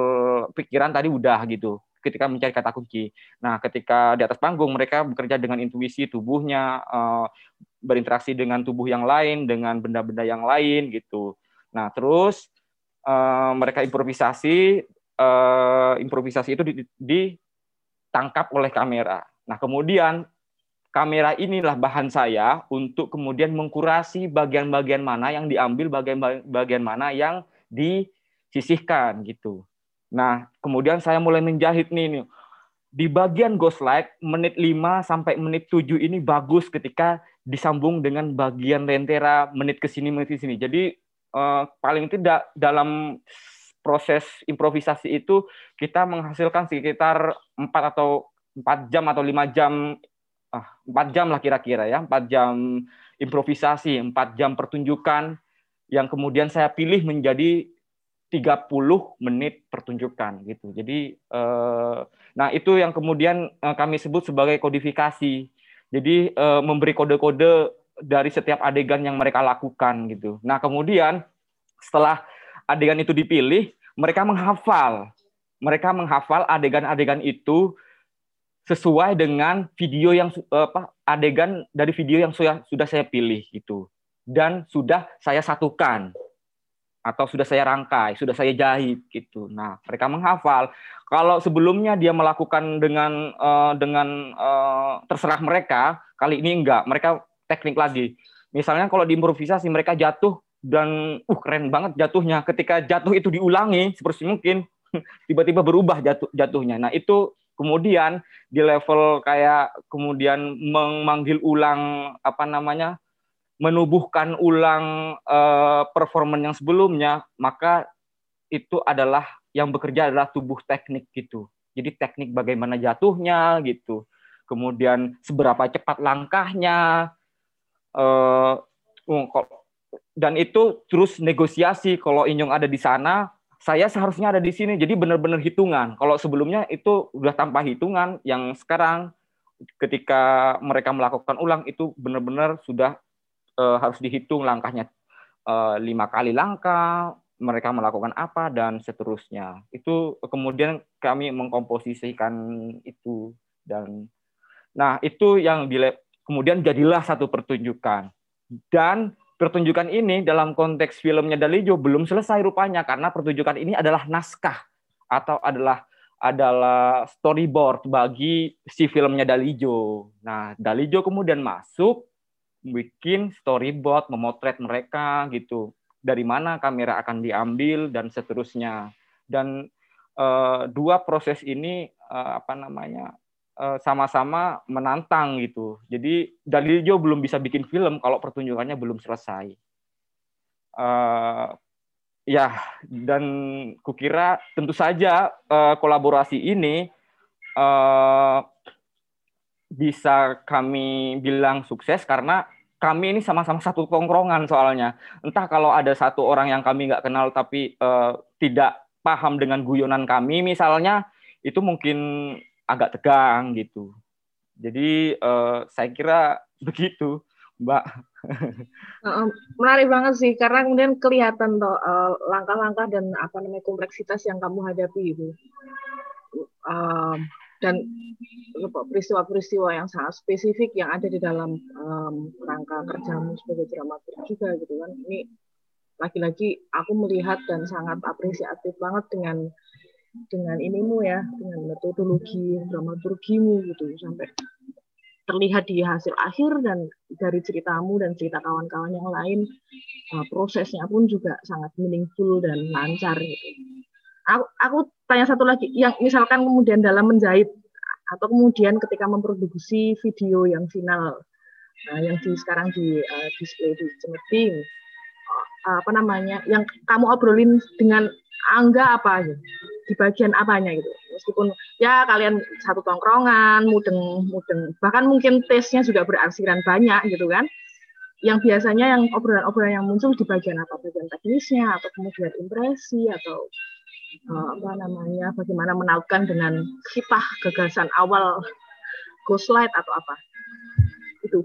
Oh, ketika terakhir, terakhir ya ketika di atas apa namanya ketika di ruang latihan di studio kami uh, memang akhirnya kebanyakan uh, perspektifnya visual ini. Jadi tiba tiba-tiba uh, ketika kita latihan Dalijo interupsi ini kayaknya bagus nih kalau Mas Jamal begini nih gitu saya lihat coba dites Mas Jamal masukannya Dalijo oh bagus juga ternyata gitu. Nah kalau nggak bagus saya akan bilang nggak bagus gitu. Jadi eh, tapi mungkin sudut pandangnya Dalijo udah misalnya bisa dia membayangkan kameranya kayak apa gitu atau enggak juga gitu. Tapi eh, kami saling menginterupsi biasanya itu. Dan juga Mas Jamal dan uh, Mas Inyong ini yang meskipun dia ada di atas panggung yang tidak dia tidak melihat peristiwanya dari depan, dia kadang-kadang merasa misalnya kayaknya lebih enak kayak gini deh gerakanku ya. Kalau kayak gini saya agak agak agak kaku, bener memang kaku. Yang pakai yang itu aja deh gitu. Jadi uh, aktor-aktor ini jadi dengan rileksnya tanpa aku kayak gini aja ya gitu. Coba kita coba dilihat gitu. Dia lakukan, kalau bagus dipakai, kalau nggak bagus kita cari yang lain gitu. Nah, uh, soal kemudian perpindahannya ke film, kami paham bahwa nanti akan film ini akan uh, mereduksi pertunjukan. Dan itu salah satu konsekuensi yang memang ya memang betul gitu. Dan itu nggak masalah. Uh, dan dari film yang 17 atau 18 menit itu itu kan sekitar 60% dari keseluruhan pertunjukan. Karena saya paham dalam seluruhan pertunjukan itu nggak semuanya harus diambil detail gitu. Karena ada yang juga nggak penting diambil di apa di shoot gitu di, di ditangkap oleh kamera. Dan saya kira uh, juga uh, apa namanya dengan kamera itu juga ketika saya melihat hasil hasil akhir dari filmnya saya bisa nih um, kemudian melihat kemungkinan bayangan pertunjukan kalau pertunjukan ini dikembangkan gitu ya Misalnya aku ternyata tidak terlalu fokus sama sama detail ini, tapi di kamera ternyata ada detail ini ya gitu. Misalnya noleh gitu. Di pertunjukan ya udah noleh aja gitu, tapi di kamera ternyata ada noleh yang tapi tatapan yang tajam gitu. Nah, ini jadi wah menarik nih kalau kemudian kami kembangkan jadi jadi satu misalnya pertunjukan itu dikembangkan jadi perspektifku ber, bertumbuh gitu gitu mbak Makasih. Makasih. Selamat ya buat kalian semua. Oke, ya terima kasih uh, Mbak Linda dan Mas Ridoi uh, dan terima kasih sekali dengan uh, kepada Mbak Linda ya karena me mencoba menyasar lebih jauh uh, apa uh, bagian apa aspek tertentu dari proses yang yang kemudian dipaparkan oleh uh, uh, Mas Ridoi karena saya kira kemudian diskusi ini menjadi apa ya justru menjadi jawaban uh, penting bagi uh, pertanyaan yang sebenarnya diajukan dalam diskusi sebelumnya bersama apa uh, Mahardika Yuda, uh, Melati Sudadarmo dan uh, Alia Swastika. Yaitu kalau kalau diskusi pertama dalam tajuk berjudul montase ruang dan tubuh, uh, saya melemparkan persoalan tentang antara konstruksi dan komposisi sebenarnya yang menarik juga tadi disebutkan oleh Mas Jamal tentang uh, proses ketika menginterpretasi uh, objek-objek artistik dari uh, apa uh, karya uh, Timotius Angguan Kusno ini bukan hanya persoalan tentang komposisi visual, tetapi bagaimana muatan-muatan tertentu itu menjadi pertimbangan atau reason uh, bagi sebuah aksi yang dilakukan oleh si performer dan memiliki uh, makna atau efek tertentu pada uh, audiens. Uh, dan dan terkait dengan yang bukan hanya komposisi itu, uh, saya kira punya relevansi yang yang kuat dengan apa yang disebut oleh uh, Mas Inyong tentang proses uh, apa uh, negosiasi itu juga berkaitan dengan bagaimana orientasi ruang yang dimiliki oleh si performer ketika berinteraksi dengan benda uh, juga berkaitan dengan dengan bagaimana kemudian keduanya ditempatkan di dalam ruang atau menempatkan diri di dalam ruang. Nah, uh, di sini saya mencoba untuk memberikan semacam simpulan dalam perspektif kuratorial ya, uh, me, apa menanggapi tentang uh, apa sasaran pertanyaan dari uh, Mbak Linda mengenai praktik dramaturgi yang saya kira ini uh, cukup terimplementasi dalam konteks uh, pameran uh, Ghostlight uh, bahwa jika di diskusi pertama uh, gagasan atau wacana yang yang mengemuka dari uh, apa uh, statementnya Mahardika Yuda tentang montase kemudian direspon oleh Mbak Melati dalam konteks uh, gagasan tubuh tanpa organ yang berangkat dari apa uh, teoritisasi dari Ortaut uh, yang itu turunannya kemudian kepada praktik-praktik teater semacam butoh uh, uh, bagaimana tubuh merespon uh, benda uh, dan membuka kemungkinan tubuh yang lepas dari konteks-konteks uh, luas tetapi dia uh, merasuk ke dalam tubuh itu sendiri dan dia ditempatkan pada ruang sajian yang akan memberikan konteks baru. Tapi sebenarnya yang justru menarik, uh, uh, saya sendiri uh, juga bertanya-tanya apakah ini disadari atau tidak oleh uh, Timotius Anggawan Kusno, tapi saya kira dia sangat sadar ya, uh, meskipun uh, dalam konteks teoretiknya mungkin tidak sering dibicarakan uh, mengenai respon dari kemungkinan itu semua dalam dalam dalam pendekatan yang sangat Brechtian. Uh, misalnya kalau tadi uh, Mas Ridoi mengatakan bahwa film sebagai uh, sejarah pendek dari pertunjukan dan di mana film itu uh, yang yang yang punya konsekuensi reduktif tapi justru memberikan detail-detail tertentu, kita bisa menempatkan bahwa praktik uh, penerjemahan melalui perspektif film itu adalah uh, sebagai upaya dari pembongkaran uh, proses produksi yang dilakukan oleh uh, Dalijo dalam mengemas uh, apa uh, seni pertunjukan. Dan kita juga bisa melihat di dalam filmnya bahwa di situ dengan dengan sangat sadar uh, uh, Dalijo menghadirkan uh, apa uh, kamera sebagai sebagai mata yang yang menangkap peristiwa itu uh, secara tidak langsung dia menghadirkan uh, peristiwa dari prosesnya. Dan ini juga uh, memantul dalam bagaimana karya-karya uh, yang spesifik film instalasi itu disajikan di dalam ruang pameran. Kaitannya dengan montase yaitu dalam pengertian Brechtian bahwa jika selama ini kita mengenal uh, sesuatu itu di, diurutkan di dalam ruang pameran hanya sebagai urutan tanpa makna urutan atau posisi benda Eh, di sini itu mempunyai muatan tertentu yang disinggung oleh Mas Jamal tadi. Misalnya ketika pagar terbuka dan dan ada subjek audiens yang akan berdiri di atas pagar, itu bukan hanya karena pagar itu akan bersanding dengan karya yang lain, tetapi posisi bagaimana audiens itu akan melihat karya lain, dia akan memberikan efek tertentu. Apakah itu justa posisi atau dia saling menumpuk atau dia akan memberikan inter, uh, interupsi-interupsi tertentu di dalam di dalam uh, sajian visualnya. Interupsi dalam hal ini memantulkan interupsi yang dis, yang disinggung oleh Mas Ridoi dalam proses produksi uh, kolaborasi yang dilakukan.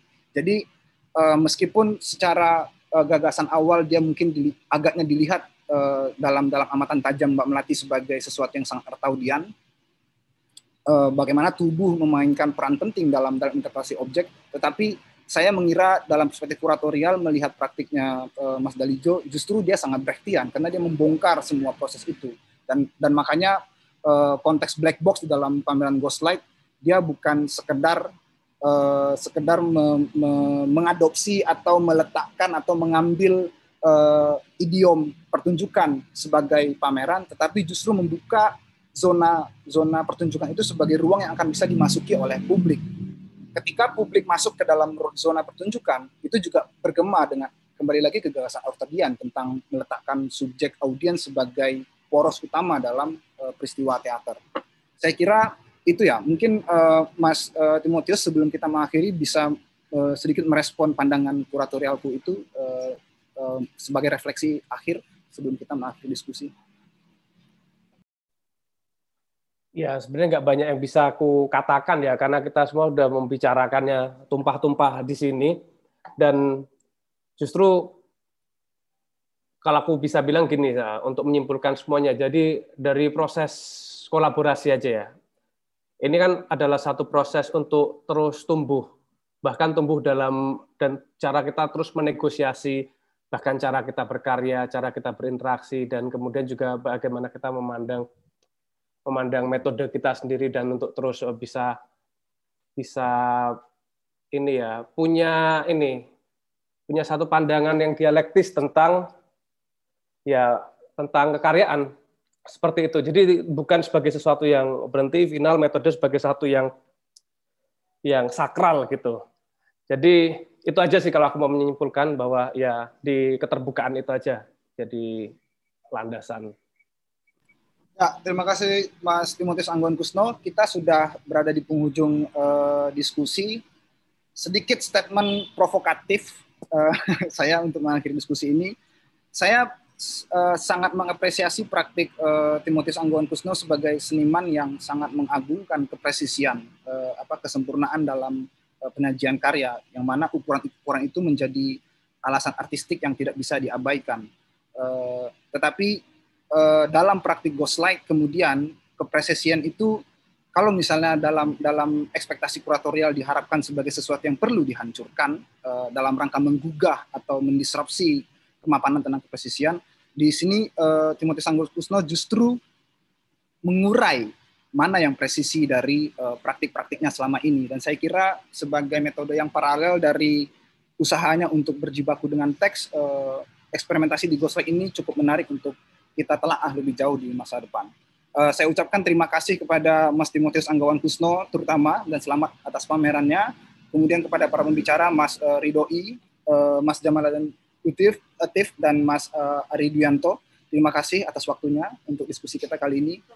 Saya juga berterima kasih untuk uh, tim artistik Cemeti yang sudah uh, berusaha menyelenggarakan diskusi online ini sehingga bisa uh, direalisasikan dan akan dinikmati oleh publik. Diskusi ini nanti akan kita sunting terlebih dahulu, uh, baru nanti kita akan terbitkan di kanal YouTube uh, Cemeti. Uh, sekian dari saya, terima kasih, sampai berjumpa.